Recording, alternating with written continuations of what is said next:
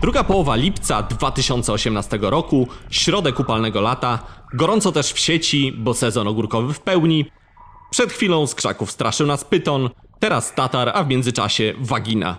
Czyli afery, o których za miesiąc nikt nie będzie już pamiętał. Co usłyszycie w szczęśliwym 13 odcinku Alchemii? Molibdenowy Mateusz na wstępie zaprezentuje nam najnowsze piwne wieści. Następnie mój wywiad z Agnieszką i Januszem z Browaru Spółdzielczego. Mocny wywiad, będą leciały wióry. W laboratorium Janek i Olek opowiedzą o chmieleniu piwa, czyli czym chmielić, jak chmielić oraz po co chmielić. Ja nazywam się Przemek Iwanek i zapraszam Was na 13 odcinek Alchemii, w którym nie zabraknie mocnych tekstów i niecenzuralnych słów. Nie polecam dzieciom. Kobiety w ciąży słuchają na własną odpowiedzialność. Jest ze mną Mateusz Puślecki. Cześć Mateuszu. Dzień dobry. Co tam dzisiaj przygotowałeś ciekawego? Na początek krafty kontra faz, bo tak brzmi wydarzenie na Facebooku, jeżeli bylibyście zainteresowani. Michał z kilku słów o piwie wpadł na pomysł zorganizowania wydarzenia, które mogłoby nagłośnić to schorzenie i wyedukować społeczeństwo, przynajmniej to kraftowe. Otóż 8 września przypada Światowy Dzień Faz. Wtedy też planowana jest zbiórka funduszy na rzecz dzieci z płodowym zespołem alkoholowym, bo tak się nazywa fachowo to schorzenie. Za pośrednictwem Fundacji Fasola wspominaliśmy już o tej fundacji w Alchemii w jednym z pierwszych odcinków i I pewnie jeszcze będziemy wspominać, bo to jest akcja, którą naprawdę warto wspierać. Dokładnie i wspominaliśmy także o akcji Beer Challenge, która ma nawiązanie do, do zbiórki pieniędzy dla fasoli. Niedługo będziecie mogli w sklepach znaleźć kapsę z logo BOC. Na razie do akcji przyłączył się Chmielołak BIS, gdzie będzie przegląd piw bezalkoholowych oraz zbiórka w sklepie butelka. Do akcji przyłącza się także MOD PSPD. Otóż od września, czyli od ponowienia warszawskiej bitew piwowarów domowych, będziemy ogłaszali właśnie informacje o zbiórce. I jeżeli są browary, lokale albo sklepy, które chciałyby dołączyć do akcji, to piszcie do Michała bezpośrednio. Teraz trochę o preferencjach Polaków. Otóż firma Nielsen zbadała i wywnioskowała, iż pierwszy raz w historii Polski, wow, wypiliśmy więcej najdroższych alkoholi niż najtańszych. W tym piwa? Tak, o tym za chwilkę. Potwierdzają się więc trendy, że coraz chętniej sięgamy po droższe alkohole, czyli szukamy potencjalnie alkoholi lepszej jakości oraz nowych smaków i aromatów. Jak wyliczyła firma badawcza, półka alkoholi premium odpowiada w 2007 roku za 18,4% sprzedaży, zaś najtańsze za 16,7%. Wzrost dotyczy aż 9 na 13 kategorii alkoholu, od piwa, ale także whisky, wina musującego czy ginu. Nasz kolega Kamil z blogu Smaki i Piwa, zainspirowany serwowanymi przy specjalnych wydarzeniach lodami piwnymi w Hopinesie, doprowadził do ciekawej kooperacji. Oto powstały lody na bazie portera bałtyckiego z pracowni piwa. Nazywają się one Captain Baltic Winter Edition Ice Cream i dostępne są w warszawskiej ciaskarni Pasticceria Mignon. Pasticceria Mignon. Kamil zapewnia, że smakują wyśmienicie, ja chyba podjadę i spróbuję. Fajny pomysł. Podobają mi się. Za granicą też widziałem lody alkoholowe i to jest fajna rzecz. Jest też trend dodawania lodów w ogóle do piwa. Na zachodzie widziałem. W Polsce chyba jeszcze nie. A teraz temat piwo z waginy. Świadkiem Facebooka wstrząsnęła ostatnio informacja o odgrzewanym projekcie. Z racji mojego ambiwalentnego podejścia do tego piwa nie zarekomenduję gdzie i kiedy premiera. Tu warto natomiast napomknąć o marketingu, bo mam wrażenie, że świadka kraftowego to nie ruszyło pod względem ciekawostki czy nowości, a hype nakręcili bardziej oburzeni internauci nieznający tego świadka piwnego oraz fora i grupy marketingowo-reklamowe na Facebooku. To przecież czyste odseparowane i namnożone kultury fasu mlekowego. Nic nadzwyczajnego, a pokazuje jak claim marketingowy przyklejony do produktu może napędzić ruch w internecie. Kontrowersja potencjalnie lepiej się sprzeda. Myślę, że więcej o tym piwie po premierze już nie usłyszymy i to dobrze. Ja myślę, że bardzo dobrze. W ogóle nie chciałem za bardzo poruszać tego tematu, no ale jak już wywołałeś go do tablicy, to dodam od siebie ze dwa słowa. No dajesz. W ogóle ten sam marketing to mnie nie bardzo rusza, no bo przykładów dobrego i złego, a czasami nawet bardzo kiepskiego i niskich lotów marketingu, tak jak w tym przypadku jest pełno, więc niespecjalnie mnie to rusza. Tak, Przemku, zgodzę się, natomiast nie zawsze ten kiepski marketing jest tak szeroko komentowany. No właśnie. No właśnie i no jest to rzecz, obok której ja za bardzo nie mogę przejść obojętnie, bo świeżbi mocno mnie język. A mianowicie chodzi o rolę piwnych blogerów w wypromowaniu całego tego super produktu. Tu się pewnie narażę środowisku blogerskiemu. No trudno, bo jakby nie patrzeć, to blogerzy piwni z ogromnym podnieceniem rozpisywali się na portalach, udostępniali po wszystkich grupach, gdzie tylko się dało, po kilka postów dziennie o piwie waginalnym i ta wiesz, radość, z jaką się chwalili, ile to im lajków dzięki temu przybyło. No naprawdę cieszyli się jak dzieci. jak, jak dzieci. Ja na miejscu agencji marketingowej to bym ich zabrał do Maczka i wszystkim kupił po Happy Mealu, bo odwalili za nich naprawdę za darmo świetną robotę. Może byli do tego maczka wcześniej, przed publikacją zabrani. Nie wiem nic na ten temat, podejrzewam, że większość zrobiła to za zupełną darmożkę. A tak już serio, drodzy blogerzy, koledzy po fachu, Polecam wysłuchanie wywiadu, który będzie później z Agnieszką i Januszem. Może odkryjecie, że czas można spędzać na czymś lepszym niż promowanie takiego gówna. Oczywiście ja nie wymagam, żeby każdy wziął się za pomoc niepełnosprawnym, bo to jest ciężki temat.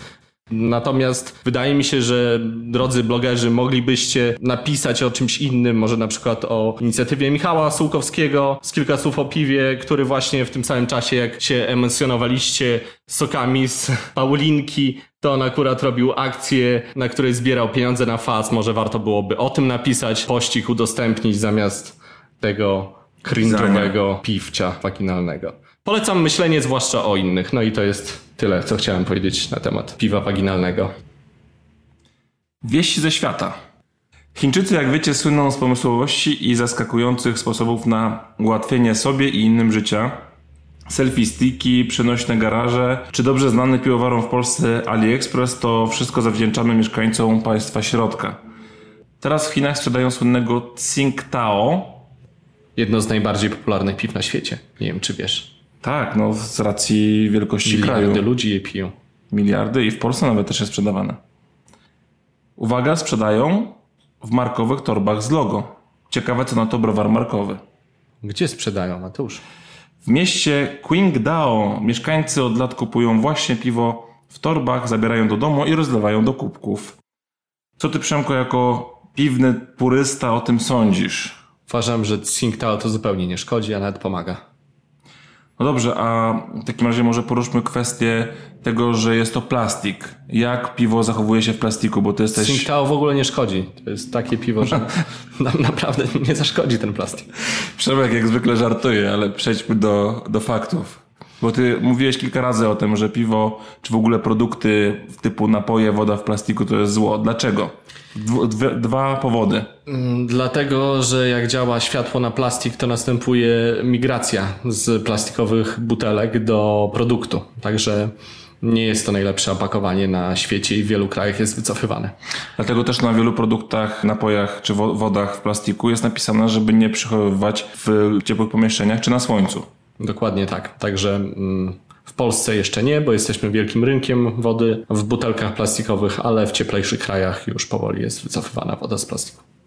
No i też aspekt ochrony środowiska. No jednak ten plastik zaśmieca kulę ziemską i produkowanie takiej ilości torebek plastikowych dla iluś tam milionów mieszkańców danego miasta czy w ogóle regionu w Chinach to jest koszmarny koszt dla środowiska. No myślę, że powinni z tego zrezygnować. Zresztą też czytałem zapowiedzi, że Chińczycy będą zmuszeni też za niedługo do ograniczenia produkcji plastiku. Bardzo słusznie. W Kanadzie od października będzie dozwolone posiadanie i zakup niewielkiej ilości marihuany do celów spożywczych i teraz nakręca się już wielka spirala sprzedażowa związana z tym, tym faktem. Jeden z browarów w Ontario postanowił wyprodukować piwo z łodyg i nasion konopi i w tym nic nie było, nie byłoby nic nadzwyczajnego i nowego, bo piwa z marihuaną już były, natomiast były z olejkiem z marihuany, a tutaj będą wykorzystywane bezpośrednio nieprzetworzone materiały pochodzenia z konopi. To jest w sumie ciekawostka, bo jeszcze takiego piwa nie było, przynajmniej w skali sprzedażowej. Czyli będzie z tą magiczną substancją THC, tak? Z tego co rozumiem. Tak, Heineken już dawno to wymyślił. W Polsce, jak dożyjemy, to będziemy rozmawiać za 30 lat o tym, czy warto zalegalizować marihuanę. I wtedy może pojawi się piwo z marihuaną. Więc do usłyszenia za 30 lat. Puby. 20 i 21 lipca odbyły się pierwsze urodziny Beer Muranów, gdzie była też premiera cydru pełnia nów. Przemku, opowiesz chwilę? Pierwszy czarny cydr na polskim rynku. Czy na świecie? Na świecie już coś było, także nie jestem pierwszy, natomiast w Polsce niewątpliwie tak. Było też premiera Palatom, także nie zapominajmy. 21 lipca odbyły się ósme urodziny kilku słów o piwie, o których już żeśmy wspominali wcześniej. Dwa razy? Dwa razy w samych kraftach, połączone z premierą piwa i kranoprzejęciem browaru Soho. 13 lipca odbyły się 22 urodziny najstarszego multitapu w Polsce, Gorączki Złota w Warszawie. Tak, to jest lokal z tradycjami, niewątpliwie. I z niezłą kuchnią. Tatarem. Także 13 lipca otwarto trzeci już multitap pod szyldem Kufle i Kapsle. Tym razem na warszawskim Powiślu przy ulicy Solec 46A. Zakończył się sezon Pucharu PSPD 2017-18, a zaliczyły się do niego 19 konkursów w całej Polsce. Miło nam poinformować, że jeśli jeszcze nie wiecie, że szczęśliwie wygrał, nie no żart oczywiście, zasłużył sobie w pełni Janek Gadomski, który zdeklasował rywali na punkty. Brawo Janku. Znowu będzie się wymądrzał. Cały czas się wymądrzy. Nowy sezon Pucharu PSPD lada dzień rozpocznie się od 6 warmińskiego KPD w Olsztynie na początku sierpnia. Możecie już zgłaszać swoje piwa. Następnie konkurs Cieszyńska Jesień na przełomie sierpnia i września, gdzie będzie styl porter bałtycki i czeski pils oraz 19, 20, 21 października warszawski KPD. Zgłoszenia ruszą do tego konkursu we wrześniu. Więcej informacji na wkpd.waw.pl Festiwale. Trochę ostatnio się pospieszyliśmy z ogłoszeniem, że do września koniec z festiwalami, bo oto mamy kontynuację kilku z ubiegłych lat, jak i zupełnie nowe inicjatywy. Od 10 do 12 sierpnia na lubelskim rynku odbędzie się lotny festiwal piwa. Będą piwa rzemieślnicze, futraki i dużo zabawy. 10 sierpnia Craft Beer Fiesta w Gdańsku wystąpią m.in. browar Absztychwikant, Prokreacja, Golem, Harpagan, Podgórz, Pracownia Piwa, Rock Mill Show Piw Zakładowy, Ziemia Obiecana. To jest ten na ulicy, prawda? Ten na ulicy, Bardzo fajnie. uliczny festiwal. Bardzo fajnie, podoba mi się. I nie ta fiesta, która w Warszawie była. Miała Która być. się nie odbyła. Która się nie odbyła i chyba się już nie odbędzie. Bo miała być w lipcu, a już jest lipiec. 31 lipca była zapowiedziana. Sprawdzałem fanpage, nie ma żadnych informacji, więc chyba nic. A szkoda. Od 17 do 19 sierpnia odbędzie się Rybnicki Zalew Dobrego Piwa w Rybniku. Będzie bardzo śląsko, bo wystąpią mini browar Reden z Chorzowa, Brewera, browar na Jurze, browar Śląski Alternatywa i browar Kazimierz oraz Hajer. Może nie festiwal, ale spora i ważna impreza. Zbliża się Pinta Party 4 sierpnia w Krakowie w wejrze Krafta i hali głównej. Czeka ponad 40 kranów, do tego będzie premiera Hop Tour Tasmania i Tomek Kopyra. Będzie można spróbować kanapek z kangurem. W zeszłym roku były dania z krokodylem. Tomek będzie robił kanapki? Nie wiem, ale na pewno będzie próbował i to na żywo. A jeśli planujecie wakacje w USA pomiędzy 20 a 22 września, to koniecznie wybierzcie się do Denver w stanie Colorado, gdzie odbędzie się największy w USA i chyba na świecie festiwal piwa The Great American Beer Festival. Zaserowanych zostanie ponad, uwaga, 4000 piw przez ponad 800 browarów. Podczas festiwalu odbędzie się także konkurs, w którym są przyznawane medale w 102 stylach. I na koniec małe sprostowanie. Mamy już potwierdzenie, że wielokran Absztefikant w Elblągu otwarte zostanie 4 sierpnia. Wcześniej trochę falstartowaliśmy z informacją, także przepraszamy i życzymy powodzenia. Zapraszamy do Elbląga, do Absztyfikanta. 4 sierpnia. I później też. Też. Jeśli chcielibyście, aby informacja o waszej imprezie znalazła się w newsach, napiszcie koniecznie na adres alchemiapodcast bez kropki małpa gmail.com. Albo wiadomość na Facebooku. To tyle ode mnie na dzisiaj. Dziękuję Przemku i pozdrowienia dla wszystkich słuchaczy. Dziękuję Ci bardzo, Mateuszu. Pora zatem na wywiad. Będzie browar spółdzielczy, czyli Agnieszka Dejna i Janusz Golisowicz z Pucka. A rozmawiam z nimi na Craft Beer Campie pod chmurką, co niestety słychać. Wybaczcie zatem trzaski i szum wiatru w mikrofonie, moja wina. W wywiadzie będzie dużo grubych słów. No coś tam wytniesz, nie? Nie, Agnieszko, nie wytnę. Posłuchajcie. Browar spółdzielczy z Pucka, czyli browar i spółdzielnia Dalba, zrzeszająca osoby niepełnosprawne intelektualnie i z chorobami psychicznymi. Browar ruszył w 2015 roku, a stoją za nimi dwie osoby, czyli siedzące tutaj ze mną Agnieszka Dejna i Janusz Golisowicz, czyli Janusz Siła Spokoju i Agnieszka Przeklinające Tornado. Tak, No, dokładnie tak. tak. jest. Tak jest, no to super. Aczkolwiek też potrafię zachować się jak wulkan. No. Jest gorąco wtedy Czyli, na łączach. czyli ukryta siła spokoju, Tak jest, ale ukryta, ukryta, ale wybuchowa też. O. Kto jest technologiem, kto opracowuje receptury, kto jest inżynierem, a kto waży piwo? E, Myślę, że technologiem jest Agnieszka, która śledzi e, na bieżąco trendy, jakie występują w branży. Jest pomysłodawcą e, następnego piwa, które będziemy, będziemy tworzyć, ważyć. E, Wstępnie ustala e, receptury, ponieważ posiada już pewną wiedzę nabytą przez te ostatnie trzy lata i potem korygujemy, ewentualnie do, dopytujemy przyjaciół, e, czy coś takiego byłoby ok. Twoja rola w browarze? No ja jestem e, głównie warzelnym, czyli zajmuję się produkcją od początku do końca wraz z grupą właśnie tych osób niepełnosprawnych, o których mówiłeś. Mhm. A kto się zajmuje papierami? No, Agnieszka. Też Agnieszka kocha papiery. Kocha. Nieprawda. No nie, ale świetnie, ale dajesz radę, kocham, dajesz kocham, radę. natomiast ja Lub- jestem jak gestapo, w związku z czym papiery to jest rzecz. Ja muszę mieć wszystko Okej. poukładane, logistyka jest moim konikiem, więc wiem, że Janusz tego nie znosi. Ja bym nawet, Janusz to podzielił, ja bym nie dzieliła tego, co, co robimy, bo tak naprawdę to wszystkie decyzje podejmujemy razem, my zarządzamy w tandemie, my się uzupełniamy, zarówno w, w, w pracy takiej, mm, gdzieś tam ustalając cele, które przed e, sobie zakładamy, jak i w takim procesie na co dzień e, tego, co się dzieje. Mamy też tak naprawdę już w tej chwili no, Czarka, który jest menadżerem pubu, który mamy, bo my już sami po prostu nie jesteśmy w stanie tego ogarnąć. Nie da się ogarnąć i browaru, i pubu jednocześnie. Wiesz co, da się. Pewnie by się dało, ale bardzo od początku stawialiśmy na to, żeby mieć kontakt z ludźmi i dlatego niezależnie od tego i dyskusja pewnie mogłaby być długa, czy festiwale się opłacają, czy się nie opłacają, to my jeździmy na festiwale dlatego, żeby spotkać się z ludźmi, żeby usłyszeć feedback na temat tego, co robimy, jakie piwo robimy, co powinniśmy poprawić, bo my się cały czas e, uczymy, tak jak Janusz powiedział, konsultujemy pewne rzeczy, które, które robimy. A y, jak to wczoraj nam e, wyszło, zatrudniamy najprawdopodobniej ze wszystkich kraftowych browarów najwięcej ludzi, bo my mamy 21 osób zatrudnionych. 21 osób. Tak. Razem z pubem. E, Razem z pubem. pub i, i nasz browar to A jak to się dzieli? Ile 21 jest mniej osób. więcej? 5 jest e, mniej więcej, 5, 6 jest w pubie.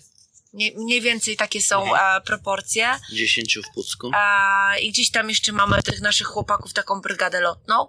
E, I, I tak jakby no, sami jeżdżąc, zajmując się produkcją, e, ogarniając pub, nie dalibyśmy rady. Więc mamy Czarka, który zajmuje się pubem i I sprzedaż. i sprzedażą. Janusz zajmuje się procesem na browarze e, i tym, co się dzieje dookoła tych wszystkich naszych dodatkowych jeszcze zleceń, które gdzieś nam się W pojawiają. powiecie puckim. Tak, a papierologia i pierdolety, e, jakieś tam takie marketingowo, PR-owo dziwne są powiedzmy na mojej głowie. Natomiast wszystko uzgadniamy razem, a przynajmniej się staramy. Dlaczego w ogóle wybraliście browar jako podstawę działalności spółdzielni? Bo to nie jest zbyt popularna forma, prawda? Nie jest to popularna forma. Przypadek sprawił. Zresztą było wiele przypadków, e, zanim powstała spółdzielnia. W każdym razie e, Agnieszka chciała mi pomóc, prosiłem ją o pomoc e, w powołaniu spółdzielni socjalnej w powiecie puckim. I w pewnym momencie Agnieszka tak nawet się dosyć e, zaangażowała, nawet e, tak na bardzo poważnie do tego, żeby to stworzyć rzeczywiście e, na terenie Pucka. Nie tylko o tym mówić, ale żeby ta e, spółdzielnia rzeczywiście powstała. I myślę, że e, obojgu nam zależało na tym, żeby to była jakaś spółdzielnia inna niż większość spółdzielni, czyli miotła, łopata, grabie, taczka. Czy spółdzielnia jako spółdzielnia? No, Nam zależało na miejscach pracy dla osób niepełnosprawnych intelektualnie. To jest Mhm. najtrudniejsza grupa, która ma trudności z wejściem na rynek pracy. Osoby z niepełnosprawnością fizyczną nie mają problemu ze znalezieniem pracy, ponieważ w komunikacji e, z każdym człowiekiem są przyswajalne, są w standardzie, tak? Są w normie. Osoby niepełnosprawne intelektualnie to jest grupa, która, której się ludzie po prostu boją. No właśnie. Tak? Ale dlaczego ludzie się boją? Bo każdy y, człowiek boi się y, Nowego. inności, Inność. wyjścia poza swoją strefę komfortu. Ty nie wiesz, jak oni się zachowają, a przynajmniej takie są stereotypy. Mm, I, i, I to tak jakby powoduje, że nikt nie chce ich przyjmować do pracy. Janusz próbował już rzucać na rynek otwarty pracy wielokrotnie, ale po krótkim czasie oni zostali z tej pracy wypieprzani, no bo kto się będzie użerał z tym kretynem, skoro może y, i tyle sobie robił zachodu, jak może już w dupie, niech on siedzi w tym domu, w jakimś ośrodku, nieważne gdzie, a on se zatrudni pełnosprawnego Kowalskiego. Problem polega na tym, że ci ludzie stanowią 10% społeczeństwa naszego, osoby niepełnosprawne, których my będziemy musieli docelowo utrzymać z podatków. I ich trzeba wdrażać, ich trzeba oczywiście wolniej, tak? Właśnie przeszłaś do, do tego pytania, które chciałem zadać. Dlaczego praca jest ważna, a nie zapomogę? Dlatego, że y, zapomoga nie daje człowiekowi godności, stabilności, nie daje rozwoju, nie daje niezależności. My mamy. Przykuwa do kanapy. Tak, e, nie wiem czy wiesz, Przemek, ale średnio po tym, jak umierają rodzice takich osób, taki człowiek, ja mówię o stopniu znacznym niepełnosprawności, były robione badania na poziomie europejskim, żyje dwa lata. Dwa lata. Jest. I po dwóch Ale latach jest umiera ponieważ nie ma nikogo, zostaje sam. Wsadzają go do środka, dostaje leki, kurwa patrzy w okno. I my takiego czegoś po prostu nie chcieliśmy. Z drugiej strony nie chcieliśmy robić durnostojek, tudzież kurwa miotły. Bo Wy- Wypikam wszystko, będzie, wiesz, będzie no to będziesz tam pipał, no. Żartuję, żartuję, to jest nie? żart. Bo trzeba odczarować tych ludzi. To, to odczarowanie moim zdaniem też w jakimś stopniu nastąpiło przy tym mm, proteście w Sejmie, gdzie ci chłopacy z niepełnosprawnością intelektualną wypowiadali się niejednokrotnie bardziej elokwentnie. Ja wiem, czy oni byli niepełnosprawni intelektualnie. Wiesz co, jeden myślę, że mógł e, coś tam. O tych ludzi trzeba walczyć. Tym ludziom trzeba poświęcić znacznie więcej uwagi. My nieraz rzucamy łaciną i fruwa po prostu wszędzie i codziennie.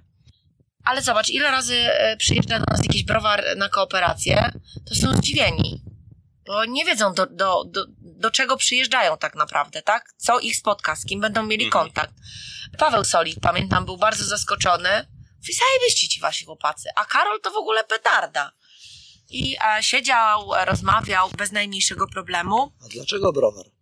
No właśnie, dlaczego właśnie browar, a Przypadek. nie coś innego? Przypadek. No nie przypadek, no nie zależało, przypadek. Nam, zależało nam na tym, żeby to była taka Inna. inna, spółdzielnia. I y, gdzieś pojawił się w pewnej dyskusji browar, czy też y, trwała rozmowa o piwie przy okazji konferencji tak. na temat spółdzielczości socjalnej. No więc. Okej, ale przez to wpadliście w jedną taką rzecz, która się nazywa alkohol, która jednak alkohol jest nacenzurowanym. Mamy nawet instytucję państwową, która nazywa się PARPA, która zajmuje się głównie zwalczaniem alkoholu albo dostępności alkoholu. Tak. I dlatego mamy przesrane. No właśnie, Mamy przesrane. czy to nie był błąd w takim nie, razie? absolutnie to nie był błąd. Bo po pierwsze, tak jak się wydawało co niektórym, jeśli jak myśmy poszli e, do burmistrza rozmawiać o tym, że chcemy otwierać browar, to on w kuluarowych e, rozmowach do radnych powiedział, kto będzie pił piwo uważane przez tych debili. Z, e, z drugiej strony To tak powiedział? e, były burmistrz Pucka. Może z nazwiskiem od razu. Nie, myślę, że jak ktoś będzie chciał, to się, e, to się em, doszuka. W każdym Nie razie... pozdrawiamy tego pana. No nie, ale to była jedna rzecz. Z drugiej strony, wiele osób mówiło, jak to niepełnosprawni, alkohol, mówimy, ale oni nie piją w pracy. My, nie ukrywajmy, ludzie mają różnego rodzaju używki pod ręką. To jest alkohol, to są papierosy, to są narkotyki, to jest tysiąc rzeczy, od których ludzie się mogą uzależnić. Póki robisz coś w rozsądny sposób, póki robisz to w sposób normalny, to Zgodny z prawem. zgodny z prawem, to ja nie widzę w tym żadnego problemu. Bo dla nas celem jest to, żeby oni się usamodzielniali i mieli pracę. Co widać po ilości osób, które zatrudniamy, udaje się. Czyli krótko mówiąc, wy nie chcieliście zrobić browarów, wy chcieliście właściwie dać ludziom Tak. pracę. To jest, to jest No wasza tak. był- a, a browar jest narzędziem. Tak, Browar jest zdecydowanie tak. Browar jest narzędziem Który także pozwoli jak gdyby wypromować tą grupę ludzi. pokazać coś innego. Że oni potrafią, oni mogą robić takie skomplikowane rzeczy. A I żeby nie było wątpliwości, bo browar. myśmy, pamiętam, zaczęli e, szukać browarów, z którymi możemy, po- podobnych do nas na, na świecie. W tym roku udało nam się skontaktować z Hiszpanami, z Duńczykami. I co było dla nas zdziwieniem, a właściwie dla Janusza, bo ja twierdziłam, że jesteśmy wyjątkowi od początku. Janusz był taki trochę zachowawczy. I to, co się okazało, to to, że my, Że to chyba my jesteśmy liderem, jeśli że my jesteśmy dokładnie, na świecie. bo oni im nie pozwalają ważyć. Czyli oni w Ale tych nawet browarach... nie to, nie, nie angażują tak bardzo, jak my angażujemy swoich pracowników. Dwóch u nas, my jesteśmy tutaj, tak? A wyjeżdżaliśmy w piątek rano, a chłopacy ważyli. Sami, od początku do końca. Znaczy są pod I telefonem. to już trochę zdejmuje taki mit, że oni sobie nie poradzą i trzeba stać nad nimi cały czas. Oni są odcinkowi, tak bym powiedziała, nie? Tak, nie moglibyśmy zlecić pewnych działań, które dokonywane są w browarze każdemu z nich. Są tak rzeczywiście odcinkowi. Jeden robi świetnie jedną robotę, ktoś inny drugą.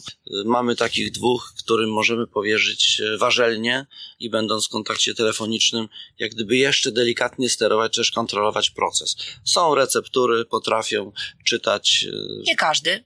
potrafią, ci, którzy potrafią czytać, ważą właśnie, w związku z czym nie ma z tym problemu. Mamy kamery. W Mamy związku z kamerę. czym Janusz siedzi na telefonie, ja w drugim telefonie mam włączone kamery i wiesz, Możemy rozmawiać na bieżąco, czy też korygować. kontrolujemy całą, całą sytuację. Jakie to są niepełnosprawności? Czy to jest jakiś większy stopień, mniejszy? E, Z tego, co w papierach ostatnio musieliśmy robić podsumowania roczne, więc mamy w stopniu umiarkowanym i znacznym osoby z niepełnosprawnością intelektualną i z chorobami psychicznymi. To są dwie grupy, nie mamy w stopniu lekkim. To nie jest tak jakby grupa, którą zatrudniamy, bo ona sobie zawsze poradzi. My mamy te, powiedziałabym, Trudniejsze trudniejsze, przypadki. Chcieliście pomóc tym, którym... którym nikt inny nie pomoże, są skreśleni. Oni są, Są nawet skreśleni- skreśleni przez swoje rodziny często. Skreśleni przez rodzinę i przez system. Przez system. Przecież połowa naszych pracowników w ogóle otrzymywała kiedyś renty, no ale przez to, że y, zbyt dobrze wypadli na pewnych y, spotkaniach komisji Zostali uzdrowieni. zostali Chyba uzdrowieni. rozumiesz, niepełnosprawny intelektualnie od, Od urodzenia. urodzenia. Mieliśmy taki przypadek z jednym z naszych chłopaków, on w tej chwili już przeprowadził się i mieszka pod Elblągiem, który poszedł na komisję. No i oczywiście, jak to oni, aha, bo oni są współwłaścicielami, żeby nie było No niejasności. właśnie, to są współwłaściciele Tak. z y, półdzielni socjalnych. Tak, są członkami spółdzielni, a Mhm. tym samym są współwłaścicielami i to jest również ich browar i oni e, mówią, że to jest nasz browar, to Mhm. nie jest e, mój i Janusza, tylko ich również.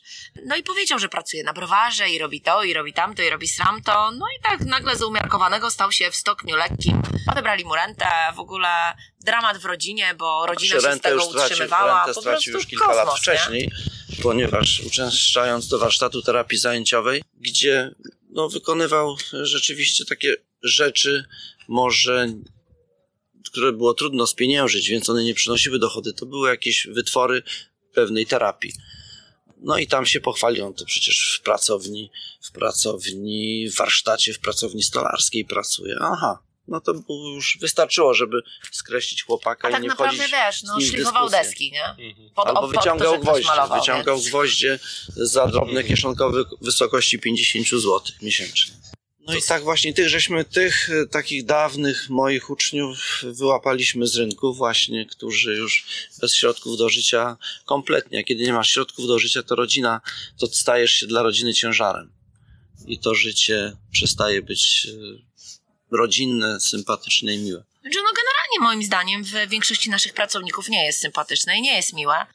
Y, Janusz zaraz mnie znowu będzie opierdzielał, ale ja uważam, że większość z nich żyje w patologicznych po prostu środowiskach.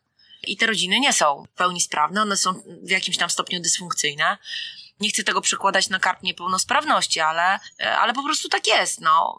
Y, Oni są, tak jak Janusz powiedział, oni są swego rodzaju balastem, ciężarem, który jak nie przynosi pieniędzy, no to już w ogóle jest... Do niczego. Jest, jest, jest do niczego, tak? No tak, bo renta wpada, To jest tak? A jakiś jak nie tak. ma, to się robi problem. Myślę, że robicie bardzo cenną rzecz, nie tylko pomagając, bo to jest oczywiste, ale przez to, że my rozmawiamy na przykład teraz, albo przez to, że się pokazujecie na różnych festiwalach, pokazujecie właśnie tych ludzi ich potrzeby, tak mi się wydaje. Trzeba o nich dużo mówić, bo mam wrażenie, że większość osób nie ma takiej świadomości. Ja też nie mam świadomości, y, że wygląda to tak, jak wy mówicie. Większość ludzi o tym nie wie. Wiesz co, no my od początku mieliśmy też takie coś, że nie było mowy o wypłacaniu pieniędzy w gotówce, pensji, tak? Oni dostają wszystko na konto. Bo nie chcieliśmy, żeby ktoś powiedział, że wykorzystujemy niepełnosprawnych, dajemy im kartkę do podpisania i kurwa nie widzą swoich pieniędzy, nie? Mhm. Więc chcieliśmy unikać wszystkich takich rzeczy, które mogłyby spowodować, że zostaniemy o cokolwiek posądzeni, bo dla wielu ludzi to jest nienormalne to, co my robimy. Myśmy włożyli w to swoje Dlaczego? pieniądze. No bo słuchaj, otwierasz firmę. Od początku mówisz, że ta firma nie powstanie dla zysku, tylko dlatego, żeby jacyś niepełnosprawni, zmarginalizowani mieli pracę. No to już... My tracimy wygodną, spokojną robotę w związku z tym, bo przechodzimy do spółdzielni. I zaczynamy, wiesz, walczyć e, z rzeczywistością, tak? Wkładamy własne pieniądze na rozwój, ponieważ zabrakło pieniędzy na kolejny etap, a chcieliśmy się rozwijać i wiedzieliśmy, że to jest jedyna droga dla nas, więc włożyliśmy 200 tysięcy prywatnych pieniędzy. Co więc już ludzie boli, stwierdzili, że kuźwa, no na pewno będą kręcić wałki, no bo co za idiota wkłada własne pieniądze, tak? Któryś z chłopaków ma Janusza wpisanego w telefonie jako tata. Któryś inny mówi, że jesteśmy dla niego jak rodzice. No coś tu nie gra, no po prostu rąbnięci, nie? I, I my takich rzeczy staraliśmy się unikać, które będą problematyczne. Pieniędzy w gotówce, ta, takich rzeczy nie ma. I wydawało nam się, że nam się to świetnie udało. Chyba okazało się po półtorej roku, albo półtorej roku temu, że część z nich nie ma dostępu do tej kasy. Że jak się pojawiły nam problemy w stylu latem, nie przychodzi nam chłopak do pracy, a nasze chłopaki z browaru mówią, nie, on siedzi tam na rynku, nosi skrzynki z warzywami za paczkę fajek. Wy kurwa, wołamy go, ja mówię, ale co jest? Nie przychodzisz do pracy za paczkę fajek? Okazało się raz, że on nie umie liczyć, skończył szkołę. Nie umie liczyć, nie umie czytać, jest wyuczony tylko podpisywania się, na SMS odpowiada mu kto inny i on nie ma wartości pieniądza, a tych pieniędzy, które my płacimy, on nie widzi. No więc jaką on ma mieć wartość z przychodzenia do pracy? To jest niewolnictwo. Ze strony takiej rodziny to jest niewolnictwo. Więc my posuwaliśmy się również e, czasami do takich sytuacji, że negocjowaliśmy z rodzicami oddanie im pieniędzy ich pensji, tak? Czyli jakiś poziom na utrzymanie, rozumiemy, że trzeba się dołożyć, ale jakiś poziom, bo oni się muszą uczyć. Ja się nie waham powiedzieć komuś, pani albo pan niedługo umrze, a jego zamkną w ośrodku. Przysłowiowym wariatkowie. Koniec, kropka. I on tam umrze. O to chodzi? Jakby, wiesz, że nie taki jest cel. I my dla wielu ludzi jesteśmy Podejrzanie. podejrzani, dziwni. To jest nienormalne, nie? Zdecydowanie nienormalne to, co robimy. Dodatkowo jeszcze robimy rzeczy społeczne. Czyli oprócz tego, że mamy spółdzielnię, która jest społeczna, to my jeszcze porywamy się na kowanie rehabilitacyjne, czyli program nasz flagowy imersjoterapii Pojąć Głębie. Angażujemy się w jakieś rzeczy lokalne i, i ludzie mówią, nie, nie, no, no pierdolnięci, no coś z nimi jest nie tak. Więc wiesz, my się mm, tak trochę e, próbujemy zabezpieczać. jednak pokazując się właśnie na takich imprezach, czy gdzieś w tym świadku piwnym, wydaje mi się, że pokazujecie tą jak najbardziej normalną twarz. I właśnie wydaje mi się, że to, co wy robicie i pokazując siebie, normalnych, fajnych ludzi, bo tak mi się wydaje, że jesteście postrzegani, też trochę odczarowujecie ten temat. Tak mi się wydaje. Czy ludzie z piwa jakoś was gorzej kiedykolwiek odbierali z tego powodu? Nie. Wydaje Jako mi się, pierdolniętych że... za przeproszeniem? To Znaczy nie, jako pierdolniętych to tak, ale to ustalmy, to jest Ale nada. też, nie? oni- Januszowi też, no, zawsze tak. współczują, bo jak ja rozedrę koparę, to oni mu e, współczują. Nie? Natomiast mm, nie, Ale myślę... Spotykamy się, spotykamy się z dużą sympatią, bo jeździmy po całej Polsce na festiwale i przychodzą ludzie z takich dziwnych miejsc, w których byliśmy pierwszy raz w życiu i znają nas i potrafią opowiedzieć o naszym browarze, że aha, to wy jesteście właśnie ci od tych tam niepełnosprawnych. I zadają pytania, ale jest dosyć spora świadomość wśród y, ludzi, którzy kupują piwo kraftowe i piją piwo kraftowe. Doskonale wiedzą. tego, co my robimy, ale w Tak. branży To jest tak, że myśmy na początku nie wiedzieli nic. Ja janusze gotowałam przez rok czasu, jak ja- zamówiliśmy, wiesz, Mhm. sprzęt, żeby on ważył w domu i się uczył ważyć domowo, nie? Bo wy Więc- się pojawiliście znikąd. Pojawiliśmy z dupy, a nie znikąd, nie? Po prostu tak. Bo jakoś tam śledziłem gdzieś tą branżę od tego czasu i nagle pojawiliście się wy. Tak. Skąd? Tak, no właśnie, no więc my się tak pojawiliśmy. Bardzo szybka i długa, y, bardzo intensywna, o tak bym powiedziała, roczna lekcja, kiedy zamawiał się sprzęt. Natomiast my uniknęliśmy popełnienia bardzo wielu błędów, szczególnie w kontekście sprzętu i to zawdzięczamy kilku osobom e, te, na tym początkowym etapie. To na pewno był Tomek Rogaczewski, to na pewno był Łazinka. Recraft, Łukasz Łazinka. To na pewno było kilka osób jeszcze takich, które się pojawiały wokół kraftu i w krafcie, które nam pomagały i traktowały nas jak takie młodsze rodzeństwo, które trzeba przeprowadzić przez ścieżkę, żeby uniknęło błędów. I, i my nigdy nie spotkaliśmy w, e, na pewno nie wprost, z wrogim takim podejściem do tego, co robimy, albo z tym, że ktoś nam powie, nie, nie, po, nie powiemy wam, nie pomożemy, spierdzielajcie, nie? Uh-uh. No też w trakcie, w trakcie tych trzech, trzech lat, to co jakiś czas jednak konsultujemy się, kooperujemy z różnymi polskimi browarami, z naszymi przyjaciółmi, których poznajemy na bardzo takich aktywni z festiwalach. tego co widzę. E, no staramy się. Ale też wyno, przyno, mamy z tego korzyści. Mamy z tego korzyści, bo się zawsze czegoś, Czegoś od tych się lepszych uczymy, nauczymy. Nie? I my tego nie ukrywamy, że my cały czas się, cały czas się uczymy, nie? My się nie boimy zapytać. Nam nie jest wstyd się zapytać, że czegoś nie wiemy. Więc myślę, że to, to nam też dużo, dużo ułatwia i pozwala uniknąć wielu problemów. Chciałbym jeszcze podpytać o spółdzielnię, bo wiem, że to jest trochę twój konik, Agnieszko. Znam klub o kawiarni Życie jest piękne w Warszawie Znamy. i wiem, że biznes społeczny, mimo czasem wielkiego entuzjazmu, pewnej chęci pomocy, determinacji, czasami się zderza z twardą rzeczywistością biznesową, nazwijmy to tak. Czekaj, to ile my mamy? Pół godziny e, w sumie? Chcesz wejść na ten grząski grunt? No dobrze, no. Kawiarnia musi walczyć na równych prawach z innymi kawiarniami w Warszawie, nie ma taryfy ulgowej i mimo najszczerszych chęci czasami może być trudno z takim biznesem. I pytanie do ciebie, czy to ma szansę się spinać? Czy warto dobra, w to brnąć? To e, ustalmy, że Janusz, jak zakładaliśmy spółdzielnię, usłyszał ode mnie dwie rzeczy. Pierwsza, czy ty se e, zdajesz, Misiu, sprawę, że będziemy zapierdalać, nie pracować, zapierdalać? A dwa, że koniec z pracą 8 godzin, 7 dni w tygodniu, 24 na dobę. Masz tego świadomość? Tak. Okej, to idziemy w to. Spółdzielnia jest najtrudniejszą formą prowadzenia działalności gospodarczej w Polsce. I mówię to budując spółdzielnię jako startupy, będąc doradcą e, w tym zakresie przez e, 10 lat, zanim powstała nasza spółdzielnia, czyli jakieś przed 15 laty. Budowałam ten element w Polsce od początku, kiedy wchodziły elementy ustawodawcze, aktualne e, i późniejsze nowelizacje. Spółdzielnie socjalne to jest przede wszystkim biznes. A dopiero potem możesz realizować cele społeczne.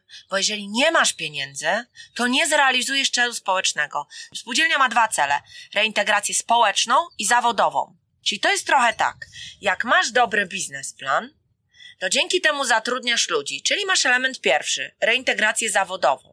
Ale jak oni mają tą zawodową i masz pieniądze, to jesteś w stanie robić z nimi jeszcze kilka innych rzeczy, a oni się wtedy w społeczeństwie tak jakby zakorzeniają, ich sytuacja się stabilizuje i wtedy spełniasz te dwa warunki. Natomiast jeżeli ktoś podchodzi do tego hura optymistycznie, spikniemy się w pięć osób, bo tak było e, jeszcze z pięć lat temu, No, no.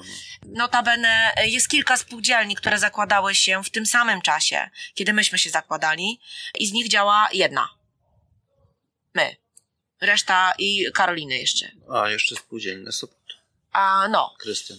więc działa kilka, a reszta walnęła.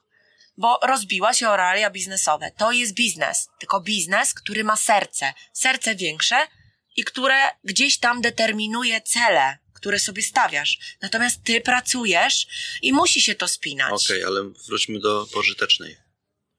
No musi, no jak się nie No spina. musi, ale czy ale my miasto, też mamy e, preferencyjne. jakiś... Janusz, chwila. Mamy, czy my mamy preferencyjne warunki wynajmu lokalu? Nie, No. my wydzierżawiamy budynek od osoby prywatnej. Prywatnej. W związku z tym, iż to nas już, i wtedy to było super. W związku z tym, iż teraz nas to już zżera, to postanowiliśmy wybudować swój browar, swoją halę, mamy już pozwolenia, mamy działkę, mamy wszystko, będziemy ruszać. Ale znowu myślimy biznesowo, tak? Przeliczyliśmy kredyty, przeliczyliśmy zdolności, to wszystko ma znaczenie. Powołując kawiarnię, i to, znaczy w ogóle, generalnie budując spółdzielnię, ja nie wiem, co za baran to z tymi ludźmi robi zazwyczaj, zaczynają od biznesplanu. Nie zaczyna się od biznesplanu. Zaczyna się od modelu biznesowego. Od czegoś, co ma pokazać, jak wszystkie elementy zasobów, które mamy, problemów, które mamy, ludzi, miejsc, kosztów, mogą się spiąć, żebyśmy my wyszli na swoje, tak? Czy my potrzebujemy preferencji? Klubo Kawiarnia Pożytecznik, która jest na Nowym Świecie w Warszawie i kilka innych jeszcze podmiotów, powiedziało najlepiej, żeby nam nie przeszkadzali. Ja nie mam postawy roszczeniowej i ja się nie zgadzam, że miasto musi dać jakieś warunki. Nie, nie, no, no nic nie musi.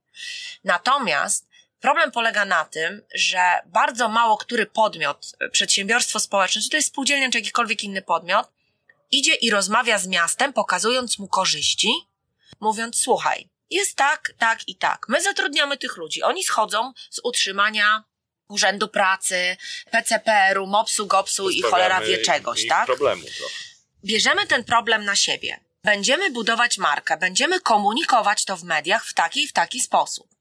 A zazwyczaj jest tak, że przychodzi taki podmiot i mówi bardzo roszczeniowo, tak jak rodzice osób niepełnosprawnych są przyzwyczajeni mówić roszczeniowo. Nam się, kurwa mać, należy. Czy widziałeś kiedyś w biznesie rozmowę, która wygląda tak? Przychodzę do partnera i powiem, stary, mi się należy. Nie.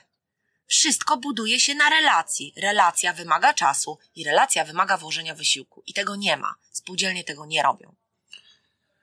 Czy takie biznesy mają szansę zaistnieć na rynku polskim, rozwijać się? Mają i są. Mają i i, funkcjonują. Mają. Pamiętasz w Łodzi, e, nie, nie pamiętam nazwy, ta restauracja na mega wysokim poziomie, mm, na obrzeżach Łodzi, mm, z muzyką związana. Filharmonia smaku. Zarąbista restauracja. Serwuje jedzenie, jakiego w niejednej knajpie w sposób nowoczesny, włącznie z kuchnią fusion. Da się. Też zatrudnia niepełnosprawnych. Da się? Da się. Spółdzielnia Pogłos w Warszawie. Klub z koncertami muzyczny. Spółdzielnia Vega, Vega Bistro na Kruczej. Tak, zatrudniająca uchodźców. Bardzo też trudny temat. Też zatrudniają kilkanaście osób, funkcjonują, ale umieją liczyć.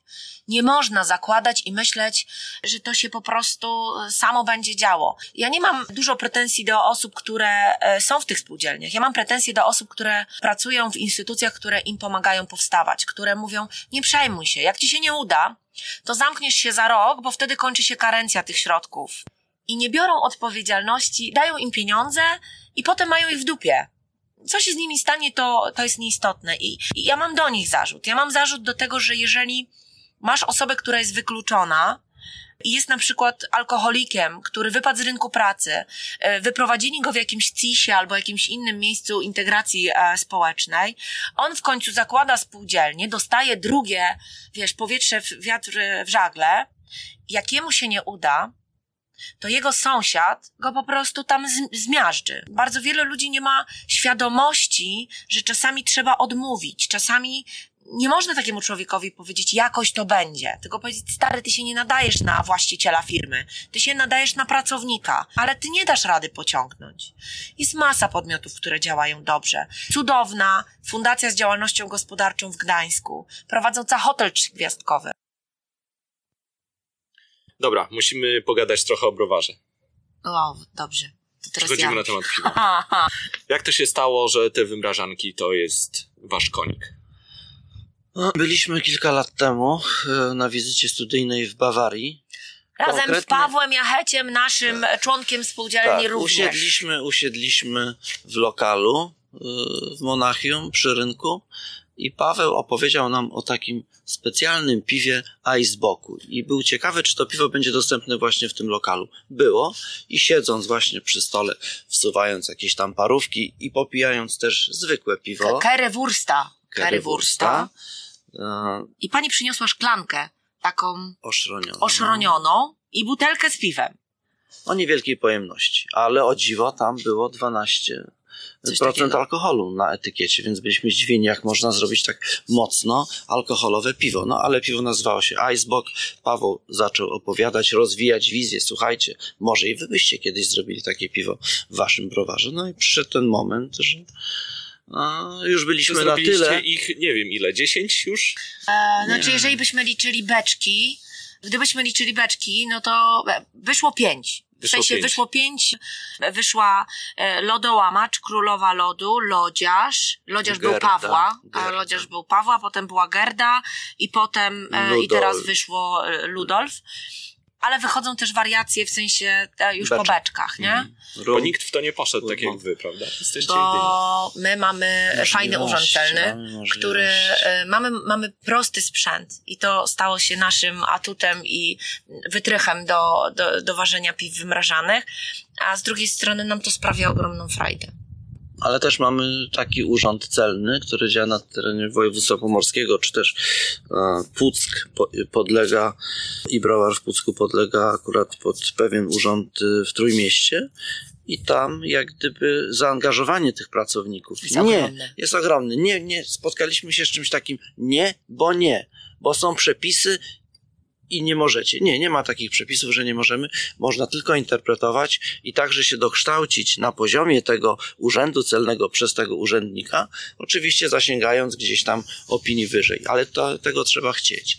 Ale w ogóle urząd celny mamy bardzo przyjazny. Oni czasami, pamiętam jak e, e, wymrażanki e, zgłaszaliśmy procedurę i pan Paweł, który przyjechał, mówi tak, czy wy, ludzie, czy wy nie możecie robić normalnego piwa? Czy wy ciągle musicie coś wymyślać?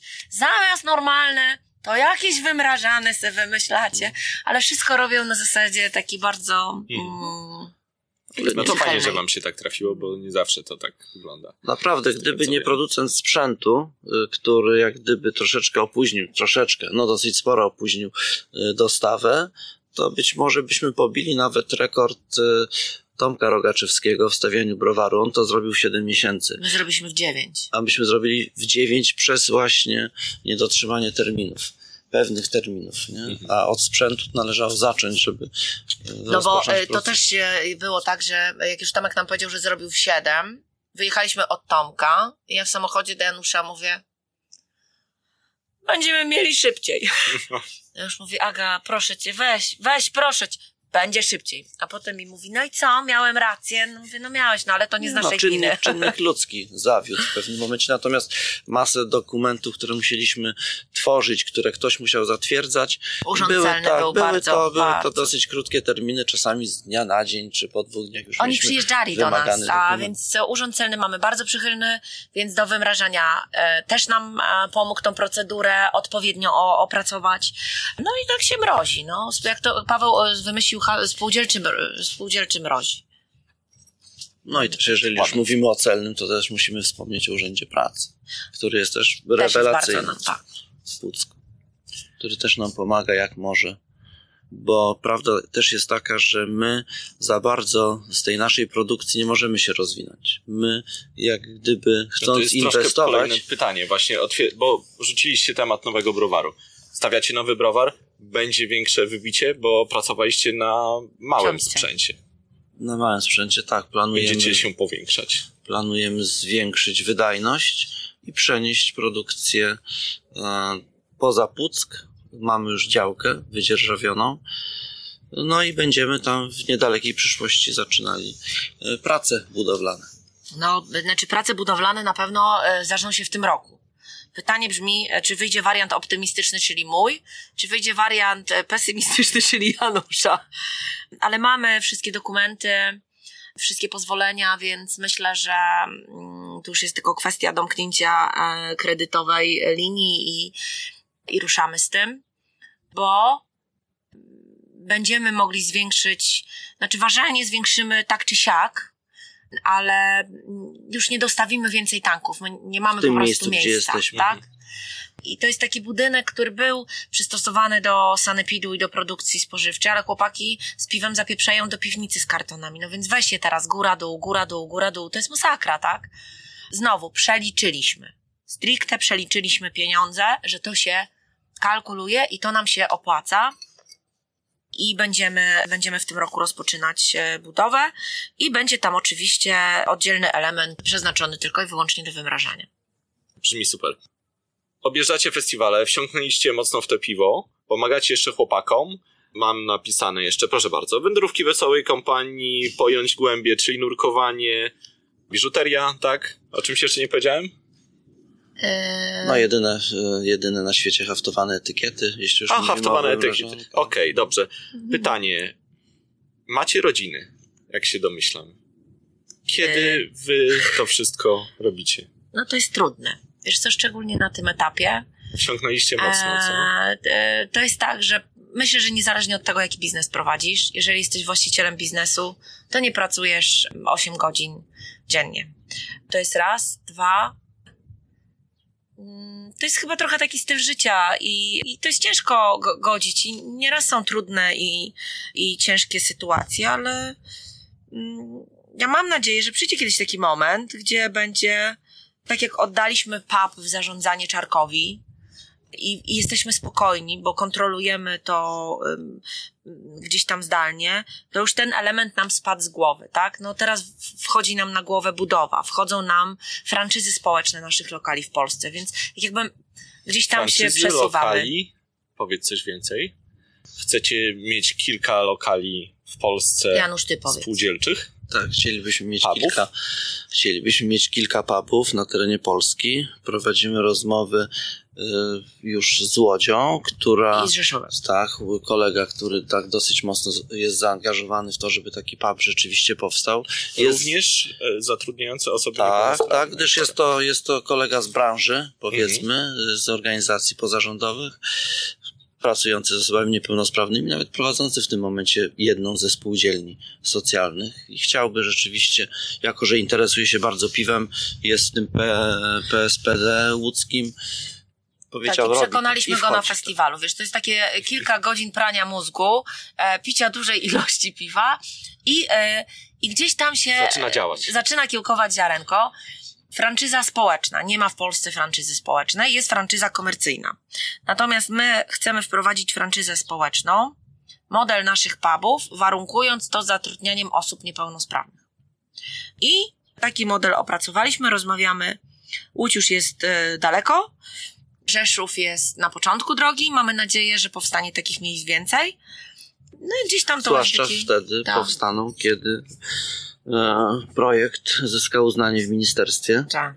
i będzie można jak gdyby to lepiej rozruszać. A się o to staracie, rozumiem. Staramy się, tak, no bo nie wszystko jesteśmy w stanie e, sfinansować samodzielnie, tak? To są dosyć e, duże, e, duże rzeczy, które się gdzieś tam dzieją, nie? Ale e, to daje, to daje naprawdę powera. My wczoraj, e, nie, w czwartek sprzątaliśmy sobie w biurze e, i zrobiliśmy sobie ścianę chwały po trzech latach i zrobiliśmy sobie zdjęcie, jak patrzymy, mówimy, kurczę, jak, jak czasami mamy trudne sytuacje, ciężkie i pierdolnęłoby się to wszystko po prostu, to przychodzi za chwilę coś takiego, co się dzieje fajnego, coś, co motywuje, wchodzisz, patrzysz na te wszystkie nagrody i mówisz, nie, no kurna, my nie odpowiadamy tylko za siebie. To nie jest tylko kwestia, e, mam jednoosobową działalność, zamykam ją, mam w dupie, idę do kogoś. My odpowiadamy za 21 osób, których nikt inny nie będzie chciał. Więc e, nam się musi chcieć. Nam się Mhm. musi chcieć. Czego wam życzyć? Mm, Cierpliwości. Nie to tylko tobie, do mnie. No to Więc Januszowi możesz życzyć cierpliwości do mnie. Natomiast e, ja myślę, że siły. To, to jest coś, e, be, bez czego. Mm, bo my wierzymy w to, co robimy. My kochamy to, co robimy. Dla nas jest to sposób na życie, ale siły czasami brakuje, nie? Brakuje na walkę z takimi czasami brakuje też czasu. No czasu to notorycznie, no ale to ustalmy, nasza doba się rozciąga. Szukamy dojścia do Hermiony z Harry'ego Pottera, co by dostać to badziewie takie, co tam się, wiesz, w czasie cof, cofa, nie? Siłę, to, to, to, jest, y, to jest rzecz, która pozwoli nam gdzieś tam się dalej rozwijać, nie? Dziękuję wam bardzo za rozmowę. Życzę bardzo oczywiście dużo siły, wytrwałości i niech wam się te wszystkie projekty poudają. E, Wam i waszym wspólnikom. Wspierajcie browar spółdzielczy, naprawdę warto. Dziękuję wam bardzo jeszcze raz. Dziękujemy. Dziękujemy. I tak oto kończy się wywiad. Pora zatem już na Monstersów. Przejdźmy zatem do laboratorium, gdzie Olek i Janek będą zdradzać zakrety chmielenia.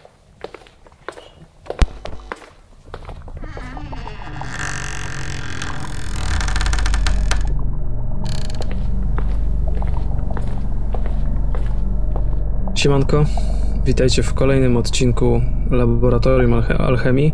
Witają Was e, Olek i Janek z browaru Monsters. Cześć. E, Dzisiaj postanowiliśmy porozmawiać troszeczkę o chmielu i zobaczymy, e, czy uda nam się to zmieścić w jednym odcinku, czy rozbijemy to na dwa odcinki. W zależności od tego, jak bardzo się rozgadamy, będzie to tak albo inaczej. No i zacznijmy może od tego w ogóle, do czego chmiel służy w piwie. E, No więc e, wydaje mi się, że właściwie dwa, dwa zastosowania są najważniejsze, czyli nadawanie goryczki i aromatu piwu, prawda? Chyba, że nie wiem, ty masz jakiś pomysł, co, do czego jeszcze może służyć? Nie, no to są takie dwie rzeczy podstawowe. Ja bym ten aromat jeszcze rozbił. Znaczy w aromacie się zawiera zarówno smak, y, Amerykanie mówią flavors, tak, czy tam Anglicy, y, więc to też jest tak naprawdę taki aromat, tak, no, aromat w smaku, nazwijmy to, więc, te dwie rzeczy, no. No właśnie, więc y, zacznijmy w ogóle od tego, y, od rzeczy związanych z goryczką na razie. Niby to jest prosta rzecz, prawda? Wydawałoby się, że po prostu piwo ma być goryczkowe i tyle i, i już. Ale jednym z ważniejszych aspektów dotyczących goryczki jest jej jakość. E, chyba obaj możemy powiedzieć jako sędziowie, że na tą jakość goryczki się bardzo dużą e, zwraca uwagę przy ocenianiu piwa na konkursie na przykład, prawda? No tak, generalnie arkusz PSPD i nie tylko PSPD przewiduje oprócz tego, że trzeba określić natężenie tej goryczki, czyli jak ona jest silna, trzeba określić też jej jakość, jej pochodzenie, jej długość i tak dalej, więc zależy zazwyczaj nam na tym, żeby ta goryczka była y, przyjemna, dobrej jakości i krótka. E, No właśnie, więc jak sobie poradzić z tym, żeby ta goryczka była dobrej jakości, czyli, czyli co? Czyli żeby była krótka i nie była jakaś super mega e, ostra czy tempa, tylko taka w sam raz można powiedzieć, prawda? Wiesz co, no, i tutaj pewnie mamy jakieś dwa podejścia, albo, albo może nie tyle podejścia, co spojrzenia na sprawę. Ja sobie wyrobiłem jakieś tam doświadczenie w przeciągu kilku lat ważenia i wiem po prostu, które chmiele dają e, dobrą goryczkę, przynajmniej u mnie. E, Ty pewnie też masz e, takie chmiele i też pewnie z jakichś tam korzystasz sprawdzonych, ale pewnie też znasz jakby od strony chemiczno-mikrobiologicznej co tak naprawdę w składzie chmielu jest ważne, żeby ta goryczka była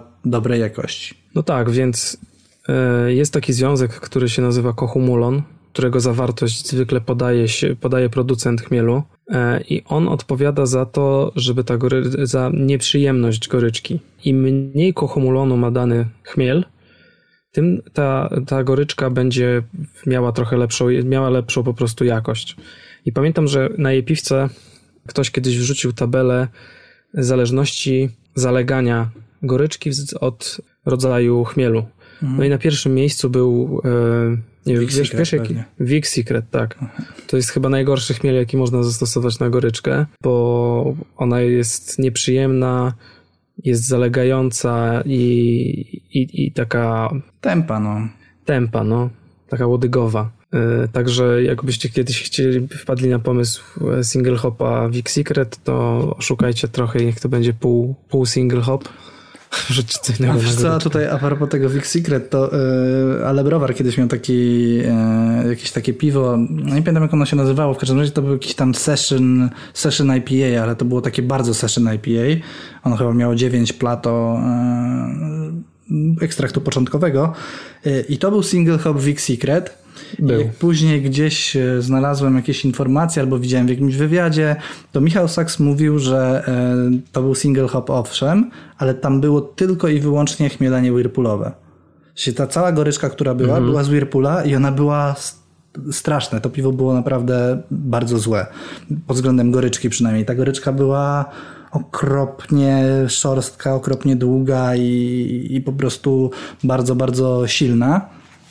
A nie wiem, czy dokładnie taki był zamysł, e, zamysł autora tego piwa. W każdym razie to w ogóle jest e, po prostu słaby chmiel, ogólnie rzecz biorąc. Być może on aromat daje całkiem niezły, natomiast kiedykolwiek byśmy go nie wrzucili w dużych ilościach, to zawsze da po prostu bardzo złą goryczkę.